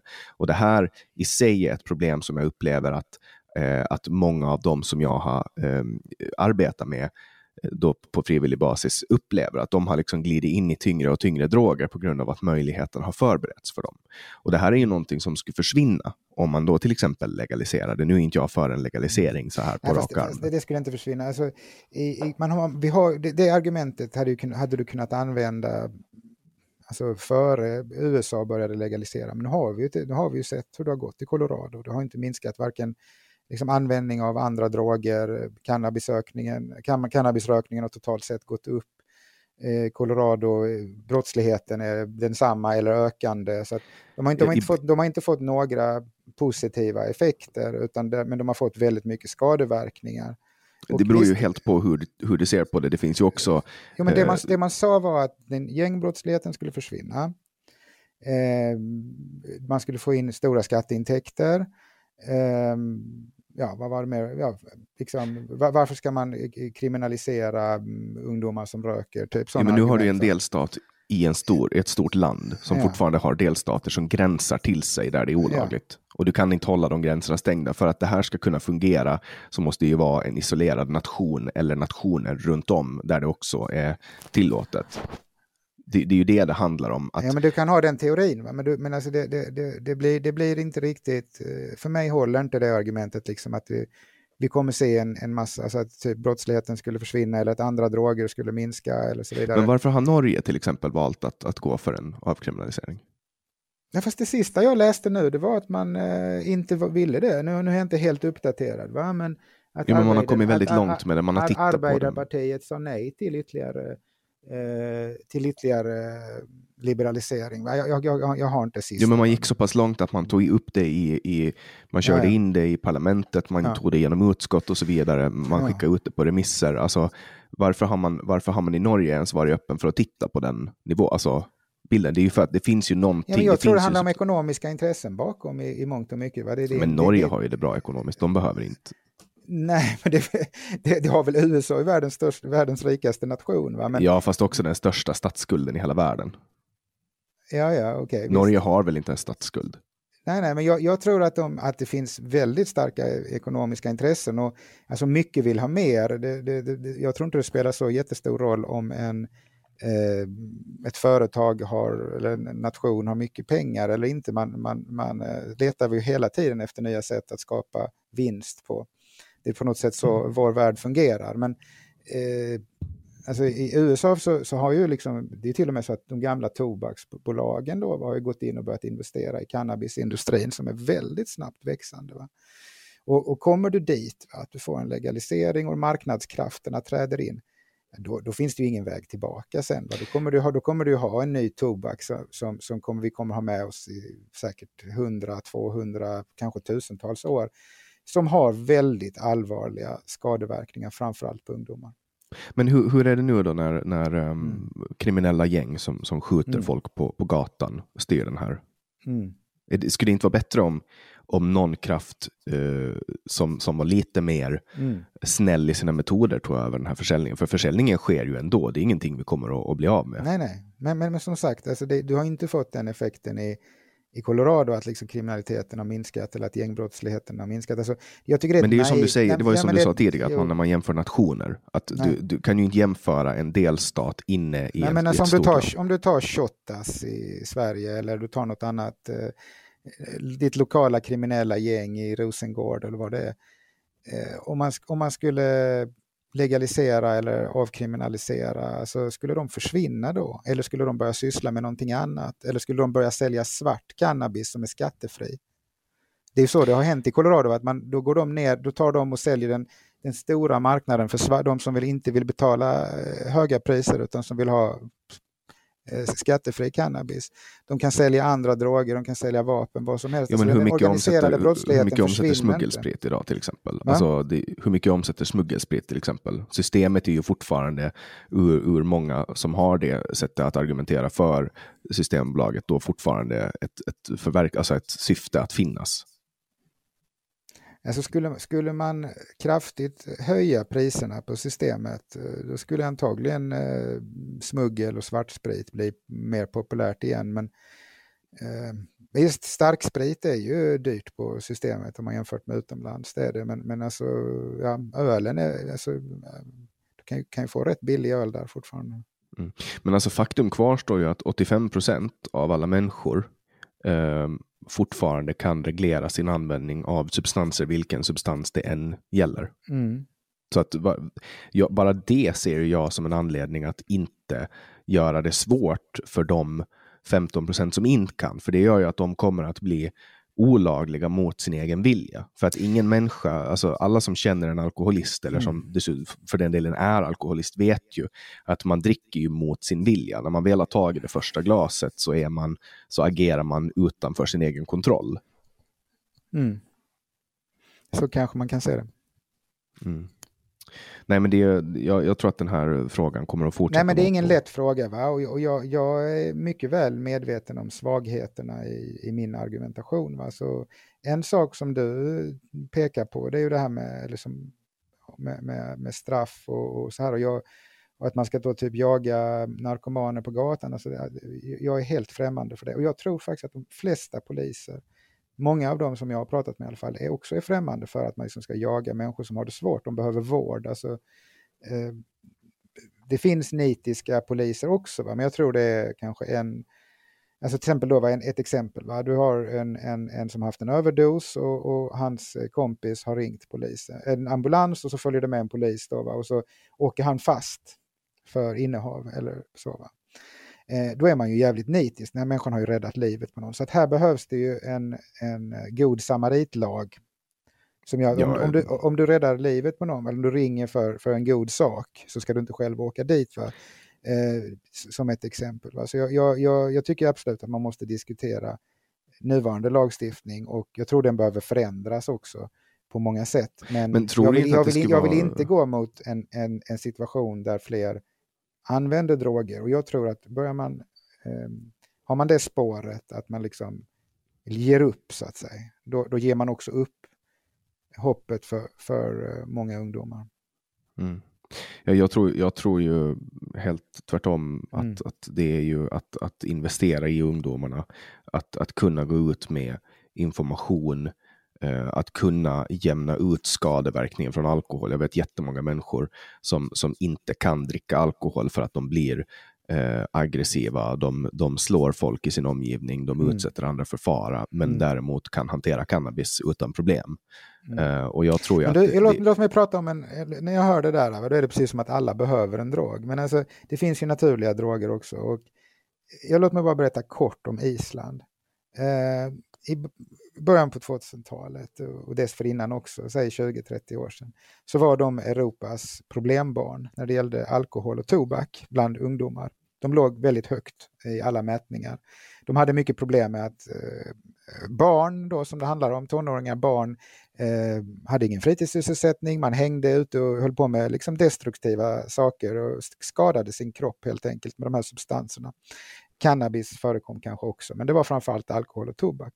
Och kloka politiker och läkare och eh, annan personal, socionomer eh, och så vidare, lärare, föräldrar, gick samman och sa att nu ska vi ändra på det här. Och vet du vad man gjorde? Eh, Islands exemplet, ja, men berätta. Ja, eh, man eh, gick inte i första, man gick fram med vissa regler och, och straff och sånt också. Men framför allt så eh, pumpade man de här ungdomarna med kultur, idrott, vuxenledda fritidsaktiviteter eh, efter skolan. Eh, man hade nattvandringar med föräldrarna, skolorna engagerade sig. Eh, man hade till och med utegångsförbud för vissa åldersgrupper på sena kvällar och så vidare. Eh, allt för att barnen skulle spendera mer tid med sina föräldrar, mer tid i liksom, Eh, fotboll, boxning, dans, eh, musik och sådana saker som man också kan bli citationstecken hög på. Det vet alla som har gjort ett fotbollsmål eller som har tränat jävligt intensivt att man mår bra av det. Och det, det, det kan man också bli så kallat, inte beroende av, kanske det inte är rätt ord, men man kan bli väldigt fast i den typen av positiva aktiviteter också. Eh, men som har en mer långsiktig eh, dopamin-effekt kanske man kan kalla det.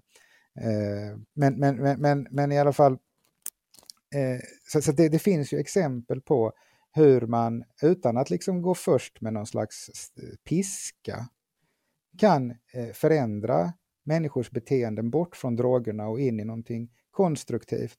Mm. Eh, Och det, går ju, det där går ju eh, hand i hand med den vetenskap som finns. Eh, att människor som har ett sammanhang, eh, människor som har sociala kontakter, goda sociala kontakter och människor som eh, helt enkelt mår bra, de missbrukar inte. Eh, och, och det gäller ju 85 procent, men sen har du ju fortfarande den 15 procenten ungefär, roughly speaking, eh, där, där det här inte biter. Nej, i men, samma grad. men det fina i kråksången är ju då att de här ungdomarna naturligtvis slutade med att missbruka tobak och alkohol och så vidare. Det är klart att de har ett och annat missbruksfall på Island, men nu ligger de väldigt lågt i, motsvarande mätningar eh, ett par årtionden senare. Så man valde att göra en långsiktig satsning för barnens skull. Och det tycker jag Sverige skulle göra också. Mm. Och, och nu funkar det ju inte att implementera det här i Sverige på samma sätt eftersom Island är ju en ö och Island var en väldigt tråkig ö då. Ehm, och, och sen valde man att, att införa de här åtgärderna som i, på samma sätt inte, det funkar inte att införa Trå dem i Sverige. tråkigt på Island, det låter väldigt Ja. fördomsfullt. Nej, men för, för, för ungdomar. Jag har ju, jag har ju själv som, som ungdom varit på Island och, och vet att, att det finns inte så Gay, jättemycket gay, vad, kan vara roligare, vad kan vara roligare med en gay, än en gayster som får utlösning varje halvtimme? Ja, nej, eller rida en islandshäst. Eller, men det vi gjorde var att vi satt på ölsmedjan och drack öl. Liksom. Ja, men du hör själv, du har varit där, du vet vad det handlar om.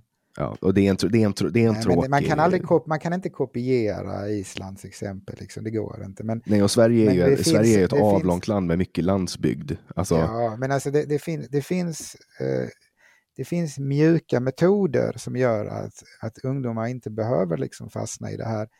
Man kan aldrig utrota droger och, och missbruk helt, men jag, jag tror man kan göra betydligt bättre än vad, vad vi gör idag. Mm. Om du tar Rosengård som exempel. Återigen, vet du hur många av tjejerna där som sysslar med idrott efter skolan? nej, det vet jag inte. Jag kan tänka mig att det är ganska lågt. 10 procent ungefär. Mm. Om du tar då Limhamn Bunkeflo som är den lite då mer rika stadsdelen i Malmö så är motsvarande siffror för tjejer långt över 50 procent. Jag tror det är 60, jag, jag kan inte svära, men där någonstans. Va? Mm. Där Hur mycket har du, det att göra, tror du, med, med invandringstäthet? Ja, jag tror det har väldigt mycket att göra med det. Inte bara, men, men väldigt mycket. Det är alltså en fråga om Eh, kultur. en fråga om kultur, men det finns ju också en, en, en, en viss... Man kan se i andra områden i Malmö som är mer arbetarklass att det också är lägre nivå av liksom fritidsaktivitet. Alltså den typen av organiserad eh, idrott, så att säga. Andelen är, är lägre även i vissa, men, men inte så lågt. Eh, som, som Rosengård sticker ju ut där. Va? Och de här invandrarområdena sticker ju ut i att man, man är, alltså barnen får, får, får inte, eller har, får inte samma möjligheter av sina föräldrar eller av samhället eller hur man nu vill se det. Mm. Eh, Nej, men, eh, och idrott är, idrott, alltså man ska inte säga idrott är lösningen på alla problem, det är det naturligtvis inte, men, men det är ju en liten pusselbit. Det kommer man inte heller Mm. Jag kan ta ett, alltså jag kan ta ett sanslöst banalt exempel eh, som du kommer att vända dig emot, men, men jag tar det ändå. Mm. Eh, bara för att, att visa min poäng. Man har en, en statisk procent av andelen människor som föds kommer att födas som homosexuella. Mm. Eh, och eh, det finns, jag antar, vissa saker man kan göra kulturellt för att få de här personerna, individerna då, som föds som homosexuella, att inse tidigare att de är homosexuella och mår bra och så slippa den här förvirringen som det kanske kommer med när man ser samhällets normer och så vidare. Sen finns det ju länder som Ryssland där de har 0% homosexuella Mm, och vissa det. länder där man har lite flera. Men, men hur man än gör och vrider och vänder på det, vilken kulturpolitik man än har, så, så kommer antalet eh, homosexuella som föds att vara statiskt eftersom det är någonting som kommer med gen. Och givet det så kan man dra samma liknelse när det kommer till antalet människor som föds som missbrukare. De här människorna kommer att födas som missbrukare och de kommer att börja missbruka. Det kanske inte är heroin, det kanske är eh, spel, gambling, det kanske är porr, det kanske är eh, destruktiva relationer. Eh, det kanske är, I de flesta fall så är det ju alkohol i Sverige eftersom alkoholen är så pass utbredd. Eh, hur, hur vi som stat än agerar så kommer antalet människor att fortsätta vara på samma procent eftersom det här handlar om en fråga om genetik.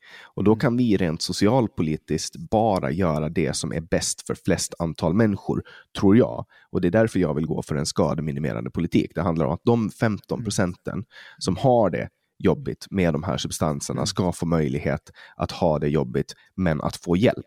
Därför att de kommer att ha det jobbigt, vare sig det Ja, är lagligt. Jag, jag, jag är inte, absolut inte emot att de ska få hjälp. Jag jobbar själv på eh, Beroendecentrum i Malmö, så jag, jag är för att de här människorna ska få hjälp.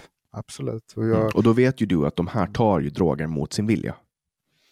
Ja, det, det är ditt sätt att uttrycka det på. Jag tycker det är en komplicerad fråga. Alltså alla som använder droger gör ju inte det mot sin vilja. Är man beroende så finns det säkert massvis med tillfällen där man har en jävla ångest som man vill döva eh, med eh, droger. Och det kan man ju kalla, sig, kalla att man gör det mot, mot sin vilja så att säga. Det är ju Eh. vansinne. Det är ju ett vansinne. Alltså, som jag kan ta ett exempel. att Men, men, men, men, att, men, att, men att de inte, alltså, det finns stora brister i vårdapparaten och i socialtjänsten. Eh, enorma brister och, och så här.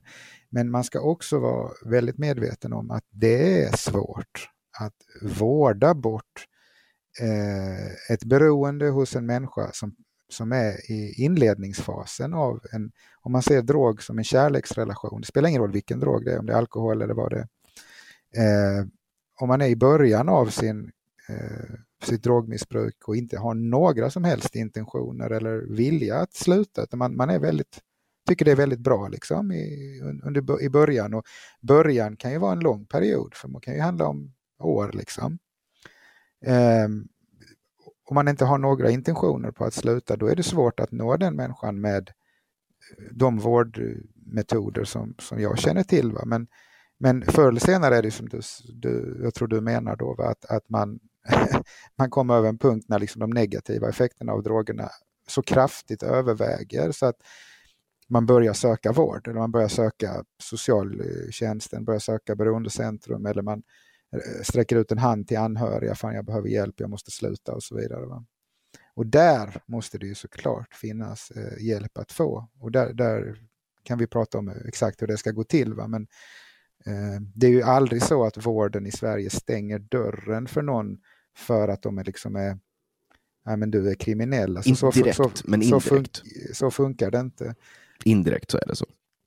Alltså av, av de som har, eh, det gjordes en studie i Malmö va, där man tittade på de som hade avlidit narko narkotikarelaterad död och så tittar man på hur många av dem hade haft kontakt med vården och det var ju liksom 80-90 procent. Så att det är inte så att man eh, jag, jag, kan inte riktigt hålla med om den eh, bilden. Du får vara mer specifik. Vad, men, vad mm. menar du? Nej, men jag kan ta ett exempel.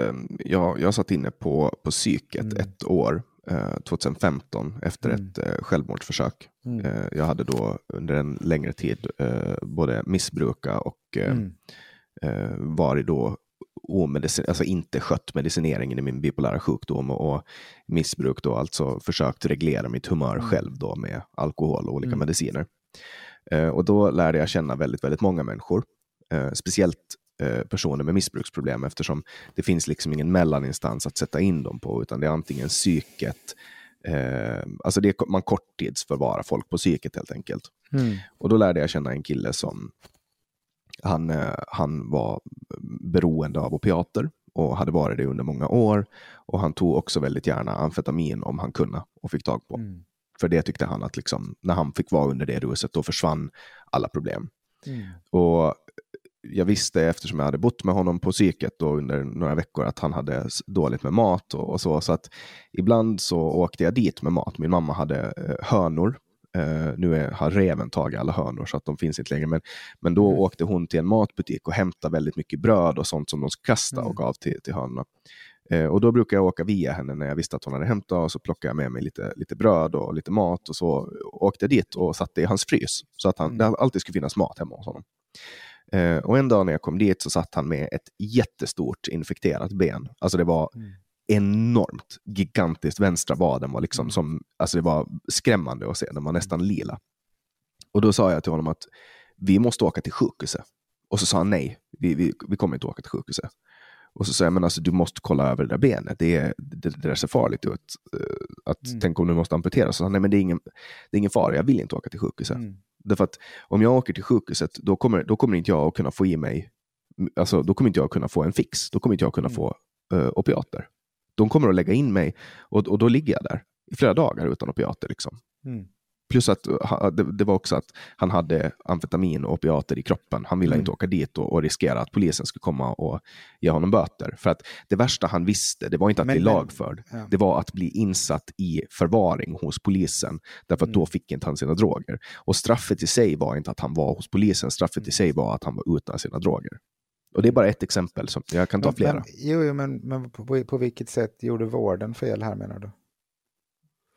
Uh, nej men alltså det, det, vården gjorde inget fel, men politiken, lagen, alltså rädslan av att han vet att men, alltså, men alltså, vi får inte ringa, alltså, inte ens om vi hade velat, vilken ing, vilket ingen inom vård, sjuksköterska eller läkare eller någon vill, så får, får, vi inte enligt nuvarande bestämmelser bryta sekretessen och ringa polisen för att ringa narkotikabrott. Alltså det tror jag, Nej, men det, det, tror jag det här, här skedde ju i Finland. Till.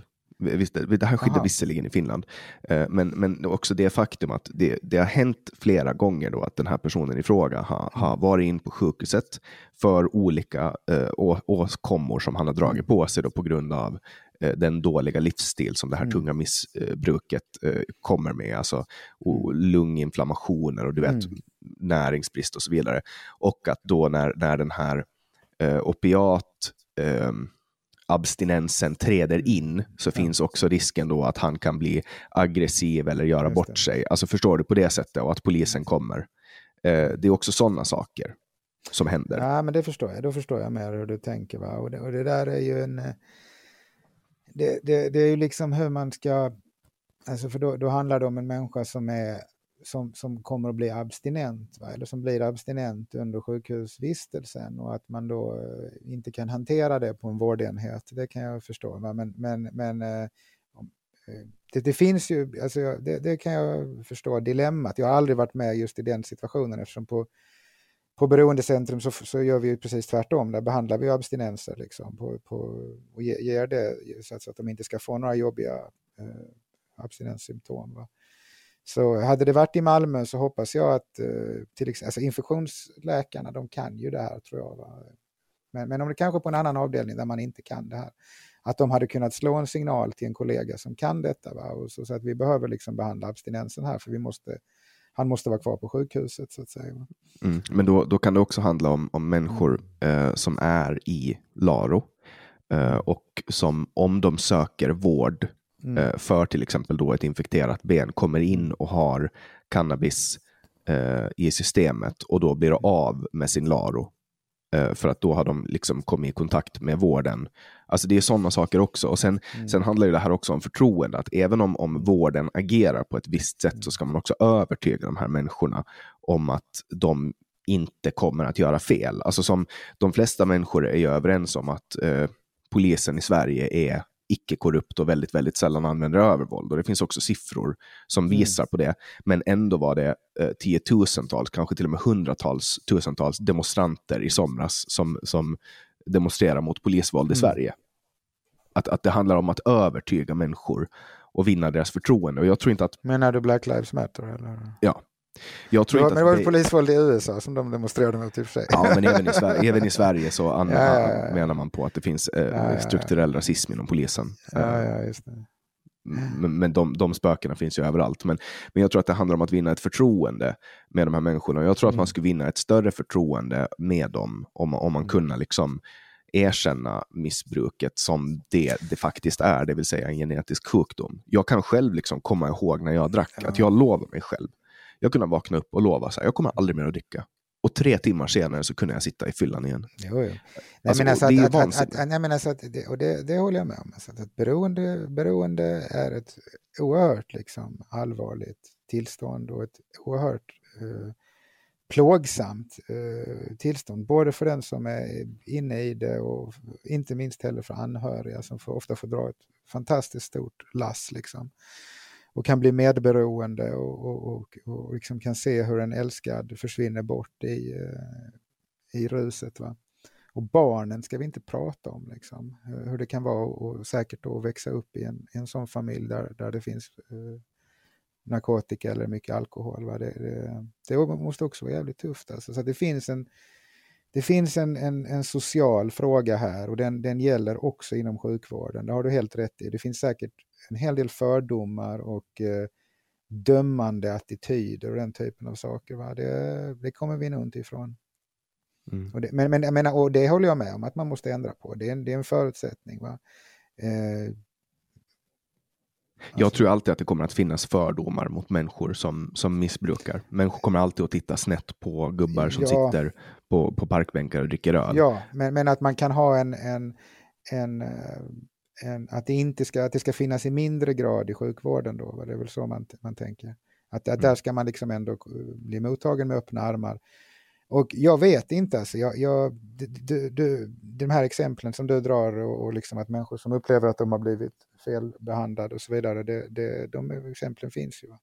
Mm. Ja, men bakom, samt, varje, samt, bakom varje ja. människas död så finns det ju en, alltså missbrukares ja. död så finns det en tragisk historia och ofta så ja, har de varit i kontakt med vården. Ja visst, massvis med gånger oftast. Va? Och man har ju varit, i, varit inne på behandlingshem liksom både fem och tio gånger. Va?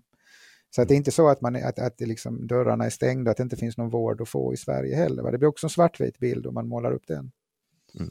Nej, men det är en, alltså, missbruk är en folksjukdom mm. um, som finns och jag brukar säga lite raljerande att enda sättet att få bort missbruk det är ju då att sterilisera alla som har den här genen då eller att, ja, att du, avrätta Men då kanske du, kan få, kanske du kan få Nobelpris när du talar om vilken gen det är vi ska ta bort ur folks arvsmassa och hur det ska gå till.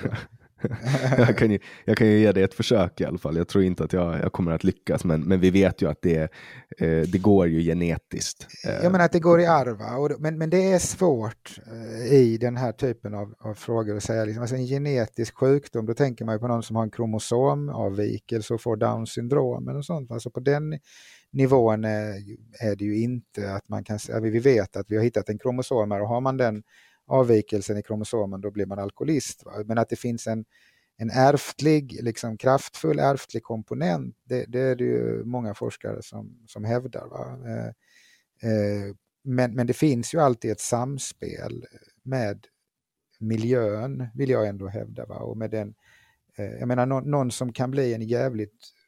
Alltså många, många av de narkotika Eh, Eh, missbrukare som jag har träffat, de har ju varit fram, liksom, duktiga på så framgångsrika tävlingsmänniskor och liksom experimenterande människor. Och, smarta liksom, personer. Va? Jag påstår ju, jag är ju lite darwinistisk av mig ja. i det, men jag, på, jag påstår ju att det här är en del av det som har eleverat mänskligheten till där vi är idag. Ja. Det vill säga att de här behövs, de här människorna de behövs. behövs. Exakt, exakt. De behövs och därför så, så, är det så tragiskt att de försvinner bort i, drog, i, i drogmissbruk. Men, men liksom, eh, om, man då hade, om, de, om de istället då hade vuxit upp eh, på Island efter man har gjort de här förändringarna Eh, och hade börjat liksom med fotboll eller med eh, vad som helst annat som hade gett dem de här kickarna och de hade kunnat se mer långsiktigt på eh, de här upplevelserna som de strävar efter då med, med, med lyckorus eller med sådana saker då, då, då hade de ju varit i livet. Va? Jo, men vissa, alltså, vissa saker kommer man inte att komma åt. Alltså, de människorna som, som lider av det här är ju ofta människor som redan har det väldigt, väldigt svårt. Alltså kommer mm. från familjeförhållanden när de har blivit utsatta för olika former av övergrepp, eh, sexuella övergrepp och så vidare. Ja, och det kommer man inte att få bort med fotbollsträningar. Nej, och, och det, det, tror jag också att, att folk som, ge, ö, alltså som på, på men, det sättet utsätter sina barn för det här. Nej, men du kan, alltså, återigen, man kan minska Liksom. Man kan minska, eh, du kan aldrig ta bort, eh, liksom, med fotbollsträningar, ta bort sexuella övergrepp eller att människor mår psykiskt, alltså kommer i dåliga familjer, men jag tror man kan minska, liksom, inte bara med, med idrott, utan med, med liksom ett fungerande socialt sammanhang som du pratade om innan också. Eh, så, så minskar man riskerna, det är väl det det handlar om snarare. Mm. Ja, och, och, man kommer ju aldrig att få bort förekomsten av det. Alltså tyvärr, en del människor kommer att, att knarka sönder sina liv. Uh, och, och, det finns väldigt få saker vi kan göra åt det. Uh, vi kanske skulle kunna ha eh, uh, återuppehållit Kurt Cobains liv med några veckor, månader eller år. Uh, om det nu hade funnits sociala insatser i USA på den tiden. Ja, eller om han hade haft en annan narkotika. Alltså, jag menar, du, du kan ju, man kan inte bara säga att, att det liksom är deterministiskt, att det kommer alltid dö människor av narkotika. Liksom, det kommer alltid dö människor, vi kommer alltid ha liksom, tonåringar som går bort i fentanyl. Nej, vi kan faktiskt få bort drogen. Vi, vi har ju nästan, åtminstone kraftigt reducerat dödligheten i fentanyl genom en enkel eh, dom. Ja, alltså genom att de väljer annat istället, de väljer andra Nej, droger. men alltså dö dödligheten i den drogen har ju gjort att den totala, liksom, bidragit till att den totala dödligheten i Sverige inte har fortsatt rakt uppåt. Liksom. Jo, men jag, jag, tror att det också har att göra med att knarklangare den, vill inte döda människor. Mm, alltså nej. när de fattar hur, hur farligt det var med fentanyl. De eh, fattar ju det väldigt då slumpmässigt helt plötsligt när två av dem blir dömda till vållande till annans död.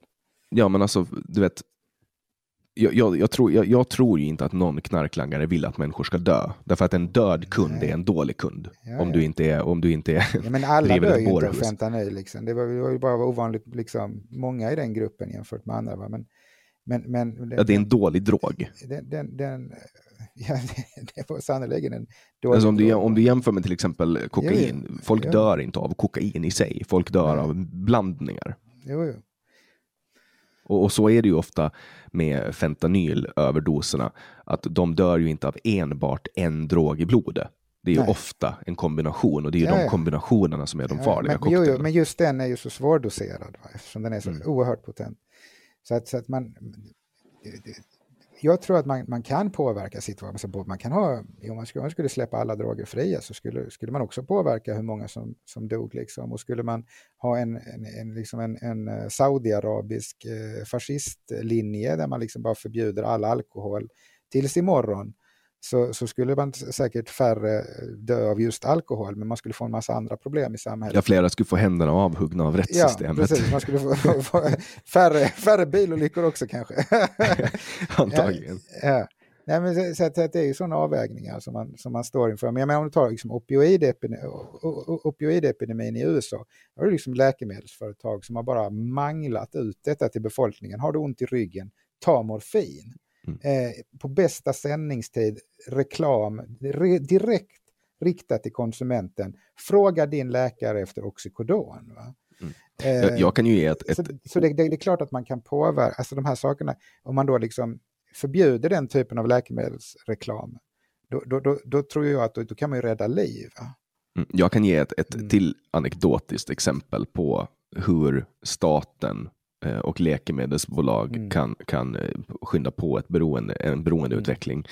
När jag var 18 år gammal, jag, jag fick eh, första gången eh, en läkartid, att, att, eller ja, en läkartid för, för ångest, alltså panikångest, när jag var 14 eh, och eh, fick tanken att nu, nu ska jag ta livet av mig. Jag, jag vill inte leva längre för att det var så jobbigt. Det var första gången jag kom i kontakt med en läkare eh, som, som, eh, pratade om de här, som jag kunde prata om de här problemen med. Eh, och det fanns liksom ingen medicin eller hjälp eller så, förutom då eh, alltså KBT. Jag fick en KBT-behandling när jag var 17. Mm. Men i övrigt så försökte man skicka mig till ett det som var ett behandlingshem, men som de kallar för ett motivationscenter av någon underlig anledning. Men, mm. men när jag var 18, jag hade haft de här problemen, jag fick min första panikångestattack när jag var jag var sju eller åtta år gammal, alltså jag var väldigt, väldigt ung när jag fick min första panikångestattack. Mm. När jag var 18, det vill säga tio år senare, så kom jag första gången till vuxenpsykiatrin och VUP, mm. eller, mm. alltså från BUP då till VUP. Uh, och första läkarmötet med en psykiatriker så, blev, så fick jag uh, alltså det som i Sverige heter uh, Sobril utskrivet, mm, alltså mm, mm. en bensodiazepin. Mm. Jag hade ingen aning om vad det här var, men jävlar om det inte funkar. Helt plötsligt kunde jag gå till matbutiken Helt mm. plötsligt kunde jag gå in i en lokal med människor. Oh, ja, Helt plötsligt bra. kunde jag åka färja. Eh, och det här förändrar ju mitt liv och det var säkert det som var tanken mm. eh, hos den här läkaren. Men ganska snabbt så insåg jag att om jag ökar dosen så blev det ännu bättre. Och om jag tog ett glas vin, då blev det ännu starkare effekt och då kunde jag få de här tabletterna att räcka längre och så vidare. Och så vidare. Och när jag var 22 år gammal så, så genomgick jag en fem månaders avgiftning i sluten psykiatrisk vård för att bli av med eh, bensoberoende. Ja, ja, att här var det liksom staten då indirekt ja. som, som torskar mig på de här medicinerna. Ja, men det, precis, och det, det, är det här som är så intressant. Alltså vilken, vad bra att du tog upp det, tycker jag, exemplet. Alltså, det här blir ju så klockrent. Alltså, vad, vad, här är någon som då mår dåligt eh, psykiskt och så behandlar man med en beroendeframkallande narkotikaklassat preparat eh, hos någon som redan är i en, en, risk, alltså ångest och liksom psykiskt, som du sa innan, psykisk ohälsa är ju en riskfaktor för att hamna i beroende. Va? Och, och det här har man ju gjort med bensodiazepiner, man har ju skapat mängder med eh, patienter som är helt beroende av de här preparaten genom att man använder, eh, man använder det som liksom någon slags Eh, generell medicin mot eh, allt liksom, psykiskt illabefinnande. Vilket det ju inte är, utan det står ju klart och tydligt i, i eh, fasttexten att det är kortvarig behandling, alltså någon som har en krisreaktion eller någon, liksom, eh, alltså en eller några veckor max som man kan liksom använda det här. Och inte ens då liksom är det ju sä helt säkert att göra det för att om du träffar en sån person som har det här som du kallar då för beroendegenen eller är väldigt mottaglig va? så kan det ju vara, uff, det här var det bästa jag någonsin har provat. mm. ja, det är farliga, det är liksom farligare än vad man tror. Va? Ja, nej, men det där är också, alltså, sen har jag fått lära mig den svåra vägen att jag, jag kommer aldrig någonsin att kunna ta bensodiazepiner. Som ett nej. exempel var när jag, jag skulle flyga och jag, första gången jag flög så fick jag en panikångestattack och det har på något sätt hårdkodat min hjärna att varje gång eh, vid, vid, start av ett mm. flygplan och inledande av en flygning så, så får jag en panikångestattack. Mm. Eh, och för att undvika det här då så, så var det en, en, en godtrogen läkare som, som Um, varken jag eller han visste ju vad som skulle hända, men, men han skrev Mm. ut benzo åt mig för en flygning. Då. Ja. Eh, vilket gjorde att det på något sätt triggade igång mitt alkoholberoende. Så att när jag Ja. landade, Mm. eh, då, då, då var liksom steget till alkohol där. Mm. Eh, och Mm. Mm. att det här på något, de, här, de här medicinerna eller läkemedlen eller substanserna på något sätt interfererar med varandra. Att, att får Ja. jag in någonting i mitt system så påverkar det hela mitt beroende. Och jag vet ju, jag visste ju när jag satt där och var på väg att dricka den här första ölen, Mm. att nu kommer jag att förstöra. Jag, då hade jag varit nykter i 11 månader, jag skulle nästan Mm. ta ett år. Och, och, och jag visste, jag, jag förstör mitt liv nu. Jag kommer att gå in i en, i, en, i en jättelång intensiv period av jättehårt drickande, men jag valde att göra det ändå. För att det Mm. fanns ingen viljakraft överhuvudtaget. Mm. Och det är så sjukt hur, hur det påverkar. Nu har jag varit nykter i över fyra år. Mm. Ja, grattis. Tack. Och jag vet att bara jag inte tar någon av de här Mm. medicinerna eller, eller alkoholen så kommer det inte att ske. Men att det, Nej, och det, det, det, det, det, det är det jag me- menade lite på innan, att liksom, eh, läkare, läkare och sjukvården har en stor skuld i att vi har så stora problem som vi har med narkotika i Sverige idag, menar jag. Eh, därför att man, man har inte sett eh, riskerna utan bara de kortsiktiga vinsterna eh, av att liksom då skriva ut olika preparat. Va? För att ja, men det är okej, människa med ångest, benzo, okej, problem löst, inte. Men problemet är löst för stunden. Va? Eh, men, men långsiktigt så riskerar man oerhört mycket. Eh, jag kan ju och- berätta någonting, någonting häftigt om, Ja. om vad, som, vad som har hjälpt, eller som verkar eh, hjälpa min ångest väldigt mycket. Mm. Eh, och det är hästar. Jag pratar ganska mycket om det i min podd, de Ja. som lyssnar på mig, men jag har aldrig varit en hästmänniska, jag har varit rädd för hästar. Men för lite Ja. mer än ett år sedan så, så började jag hänga med hästar och eh, nu är mitt liv mycket, mycket bättre. Det har verkligen liksom, det har, det har tagit bort, Intressant. Alltså, du, verkligen du rider eller mer liksom... det är tra, trav.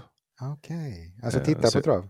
Jag hänger på travbanor eh, Ja. som hästskötare och jag har köpt en egen, egen travhäst och så. Ah, ja, ja, ja, ja. Och det här, det här har liksom skänkt, eh, jag är ju helt frälst av det här. Mm. Jag pratar, Det enda jag pratar om nu är hästar. Men för att det här har på något sätt, det här hålet som jag upplever att jag har i Mm. mig, Mm. ehm, Det det, det liksom stängs när jag får vara med hästar, alltså bara Ja. vara bland dem. Det spelar ingen roll vad jag gör, om jag mockar Ja. deras boxar eller om jag rider eller om jag kör T- eh, travsulky eller vad det nu Ja. är. Det, det skänker liksom någon form av frid. Så att, ehm, jag, förut så skrattade jag åt det här med ridterapi, att staten subventionerar ridterapi, men det gör Nej, jag men inte för, för, för, för no några människor så funkar det nog. Va? Alltså, sen, sen kan man nog inte använda det till alla, men, men eh, det, gäll, det gäller ju att hitta det.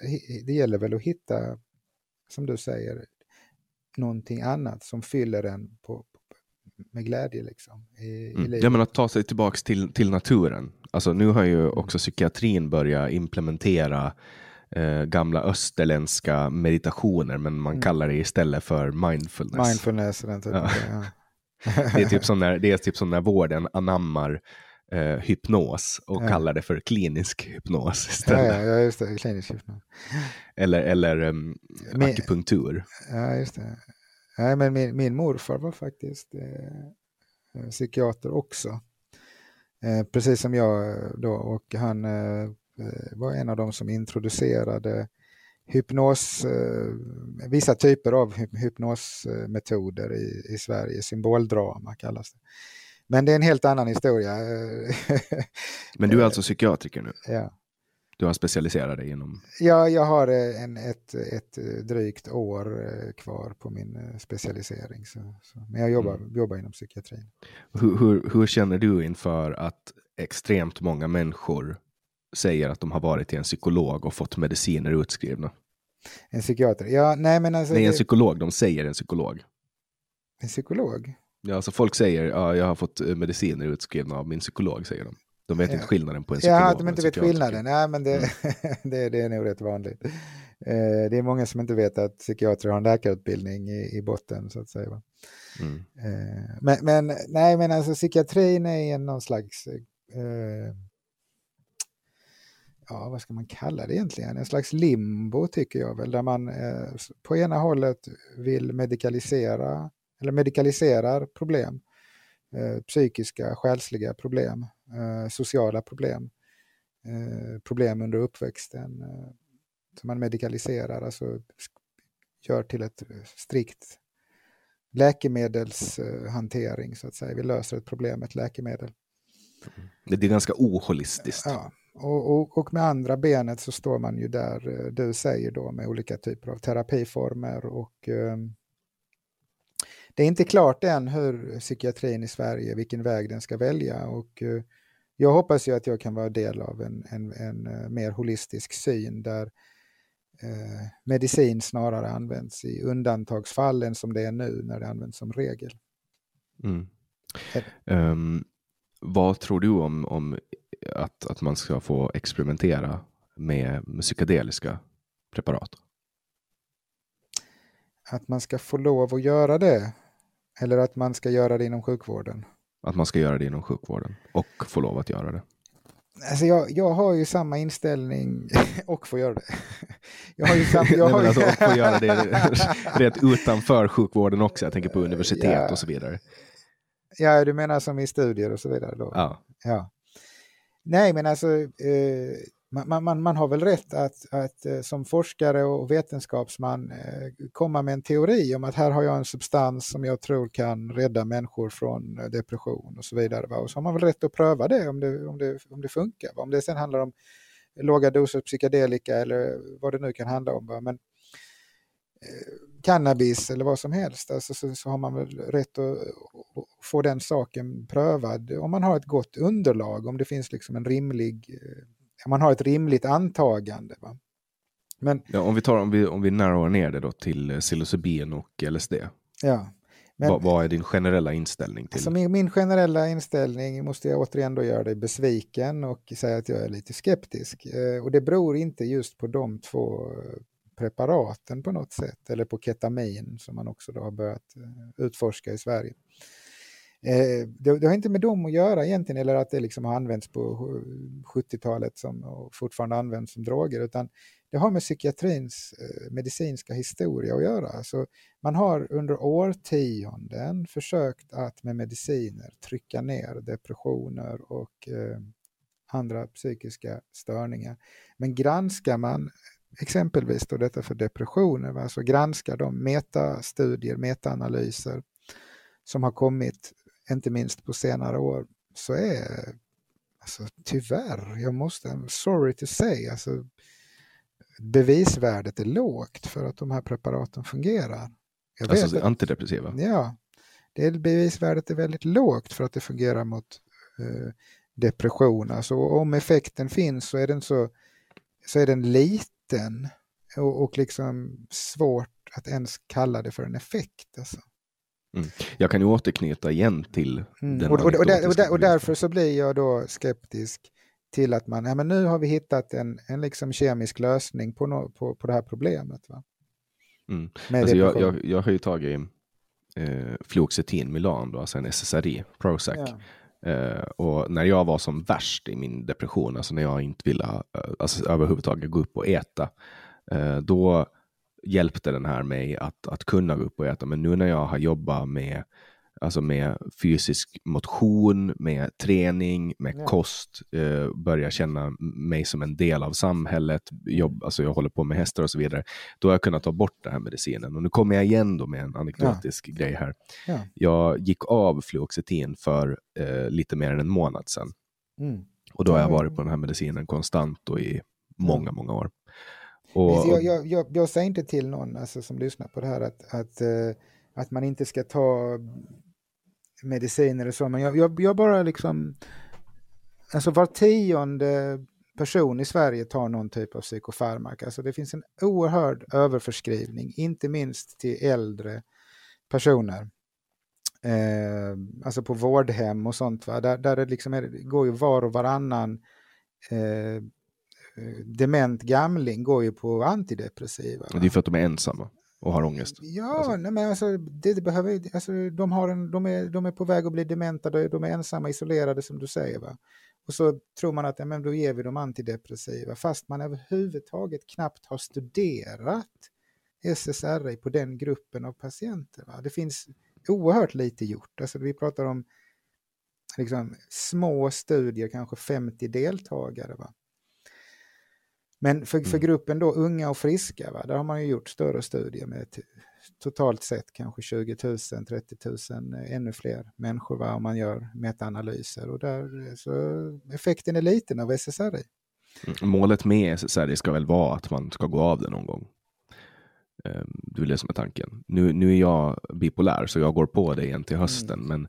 Ja. men jag märkte nu när jag tog bort det vilka extrema utsättningssymptom jag fick. Ja. Alltså, jag hörde barnsånger i huvudet. De, de snurrar på i huvudet. Alltså jag hörde Ja. dem. Det var som alltså, hörselhallucinationer. Ja. Ja, ja. Eh, och det kändes som att mitt huvud, ja, det är svårt att förklara, men, Mm. men det, mitt huvud, det kändes jättekonstigt när jag vred på huvudet. Ja. Eh, och sådana saker. Alltså, jag undrar liksom hur, hur, vad, hur det kommer att vara nu när jag lägger mig på det här normala igen. För att det var så länge sedan jag levde Men i en värld utan Precis.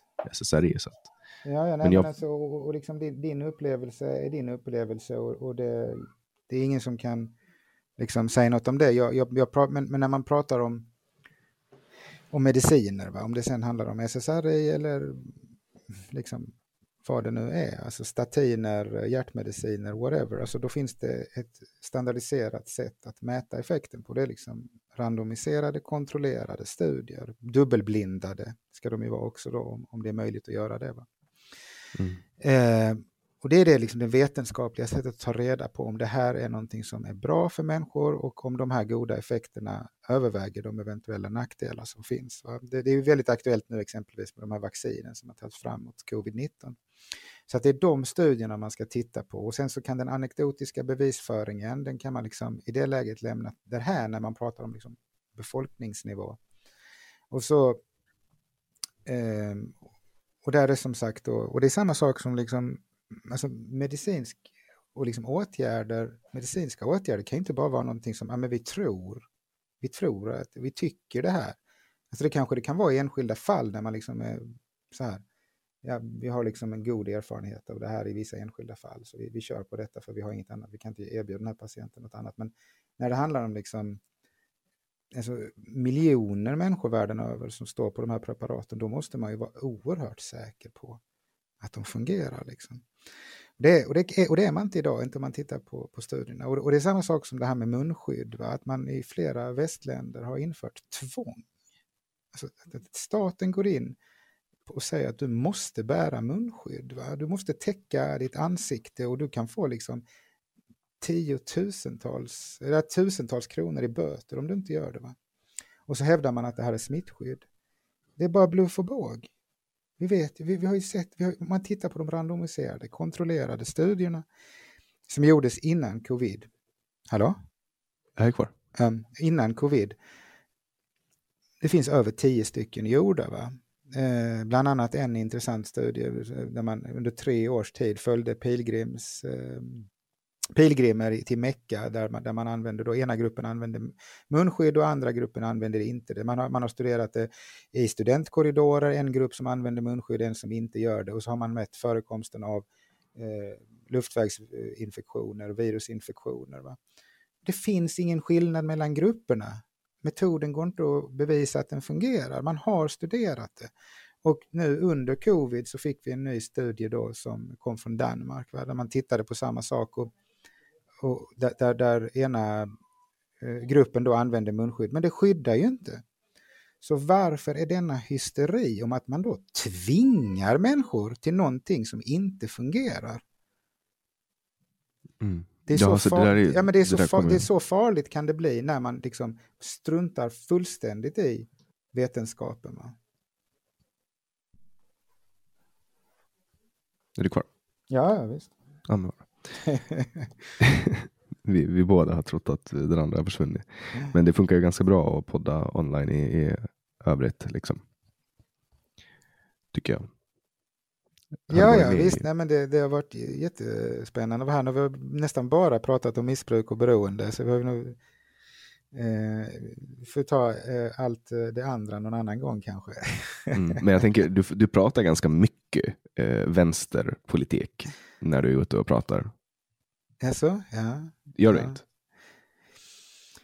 Ja, alltså vad är vänsterpolitik idag egentligen? Va? Det kan man ju fråga sig också. Va? Alltså, vi vet ju vad... Alltså, tyvärr har ju vänsterpolitik förknippats nu med orealistiska lösningar, höjda bensinskatter och öppna gränser. Va? Och det är ju ingenting som faller en vanlig knegare i smaken i regel. Va? Så att jag, jag har ju tagit avstånd från den delen av vänstern va? som föreslår så den typen av eh, osammanhängande och liksom eh, fullständigt verklighetsfrånvända eh, sätt att lösa samhällsproblem på. Va?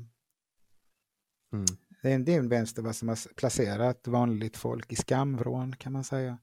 Och, och, skulle de yttra sig, så, så, om någon vanlig knegare skulle ta, ta till orda och yttra sig så, så skäms man för dem. Det är väl ungefär som SVT då, de släpper ju aldrig... När, när hörde du på SVT senast en vanlig jobbare tala till punkt?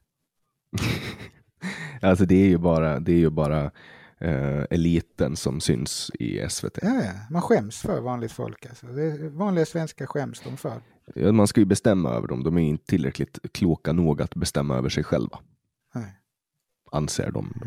Det anser nej, inte. nej. Och så, och, så, att säga, så att hela problemformuleringsföreträdet eh, eh, innehas av en elit som lever och verkar på en helt andra liksom, förutsättningar än vad vanligt folk gör, liksom, som inte vet hur det är att jobba eh, med ett, liksom, ett grovjobb där man får ta i eller där man Eh, har oregelbundna jobbiga arbetstider, där man liksom sliter från den ena dagen till den, till den andra. Jag menar, ta nu covid, eh, jag menar, i december, januari var ju rent fruktansvärt på sjukhuset i Malmö. Va? Så folk ville ju säga upp sig, eh, undersköterskor och sköterskor, va, på grund av att men, arbetsmiljön var fruktansvärd. Och så sitter de här eh, politikerna då liksom med, med eh, sina Zoom-möten långt borta från alla virus. Va? Och eh, eh, så här, vi har inte råd att liksom, anställa fler eller vi har inte råd att höja lönerna, vi har inte råd att liksom, erbjuda lägre arbetstid så att mm. personalen stannar kvar. Va? Nähä, men ni har råd att köpa in konst för, till regionen för ett par hundra miljoner. Liksom. Ni har råd men att... det ska vi, vi ska inte glömma ja. vilket hästarbete de gör när de går ut på balkongen och, och applåderar. Nej, det får vi inte glömma. Det, det, det är sant. Det tar, det tar mycket på krafterna. Vad och liksom kände du när godhets, folk det? Godhetsposera, Liksom. Och, och, det tar också mycket på kraften att, liksom ställa, att, att fuska sig före i vaccinkön, som många chefer inom sjukvården också har gjort. Det, det måste också vara psykiskt ansträngande. Liksom. Men hur, vad kände du som jobbar inom vården när, när, när politiker gick ut och började klappa händerna för, för er? Ja, nej, men alltså hade man kombinerat handklappningen med reella åtgärder, alltså du vet att idag i sjukvården så jobbar det fler byråkrater, administratörer och chefer än vad det gör läkare. Ja, det, det, ja men det, det, är, det är sant. För, för ett par år sedan så, så, så, så, så, gick man om varandra så att säga. Ehm, och, så att de, det är ju som bakterier, va? att de, de multiplicerar sig exponentiellt. Va? Och sen så kommer de upp i någon slags laggfas där de ligger stilla. Va? Eh, och vi är fortfarande i en exponentiell tillväxt av byråkrater och politiker och biträdande chefer och chefer och extrachefer och eh, all sån här eh, personal som bara är ute efter att eh, ha, det, ha ett gött jobb liksom och sen så att utveckla vården eller att det fungerar på golvet. Det är man liksom mindre intresserad av. Och jag tycker man kan jämföra den byråkratiseringen av den offentliga sektorn i Sverige med just Sovjet som du nämnde inledningsvis som ett avskräckande exempel. Va? Det var en liknande process där. Va? Det var en byråkratisering, politruker som tog över allt mer, samlade allt mer makt till sig själva och de skilde ur sig, ungefär som i djurfarmen, Orwells, George Orwells djurfarmen, de urskilde sig materiellt från de här arbetarna som man sa sig ha gjort revolution för. Då, va? Eh, och levde under helt andra materiella förhållanden med egna sommarstugor och långa semestrar och höga löner och allt det här. Va? Och då, när man är i det läget, så tappar man nog lätt intresset för att utveckla samhället. Eller att, för att utveckla samhället, det betyder att man måste hitta de problem som gör att samhället står still. Mm. Och förändra dem. Och då måste man ibland trampa på ömma tår, nästan alltid. Och det är ja, inte... det finns många ömma tår att trampa på ja, i Sverige. Och, det, och, de, ja, precis. och de politrukkerna, eliten idag, har inget som helst intresse av att utveckla eh, sjukvården så om, om, om det skulle liksom gå ut över deras egna privilegier. Mm. Um, jättekul att ha med dig i podcasten Samtal, Nils Littorin. Tack så mycket för att jag fick komma. Och eh, till er som har lyssnat och fortsätter lyssna vecka efter vecka vill jag tacka er. Jag vill tacka er för att ni stödjer den här podden, för att ni diskuterar den på sociala medier och för att ni donerar pengar via Patreon, Swish eller Paypal. Eh, och för er som inte gör det eller vill göra det så hittar ni Ehm, uppgifter om hur man gör det i beskrivningen till det här avsnittet eller på min hemsida www.samtal.ax. Om du väl råkar vara inne på hemsidan så får du jättegärna gå in och önska gäster. Jag tycker det är jättekul när folk önskar gäster och Nils Littorin är ju ett, ett eh, utfall av önskemål. Eh, så fortsätt gärna önska, jag tar alla era önskemål i beaktande. Jag släpper nya samtal alla onsdagar året runt. Jag heter Jannik Svensson och du har lyssnat på podcasten Samtal.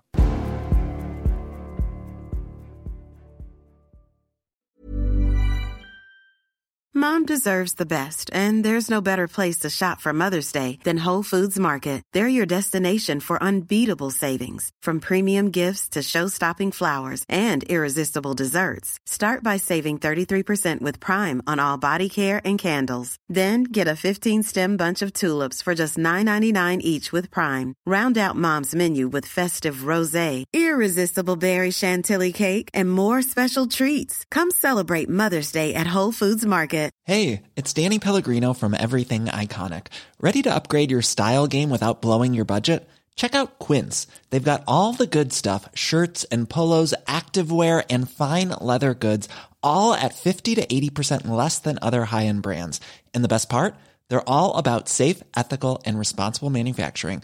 Get that luxury vibe without the luxury price tag. Hit up quince.com slash upgrade for free shipping and 365 day returns on your next order. That's quince.com slash upgrade. When you make decisions for your company, you look for the no brainers. And if you have a lot of mailing to do, stamps.com is the ultimate no brainer. It streamlines your processes to make your business more efficient, which makes you less busy.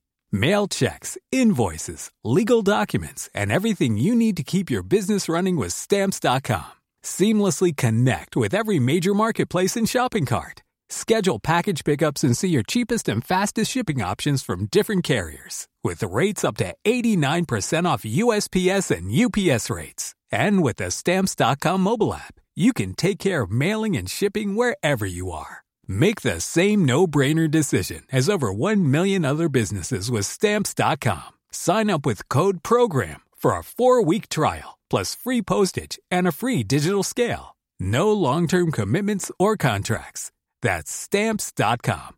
Code program.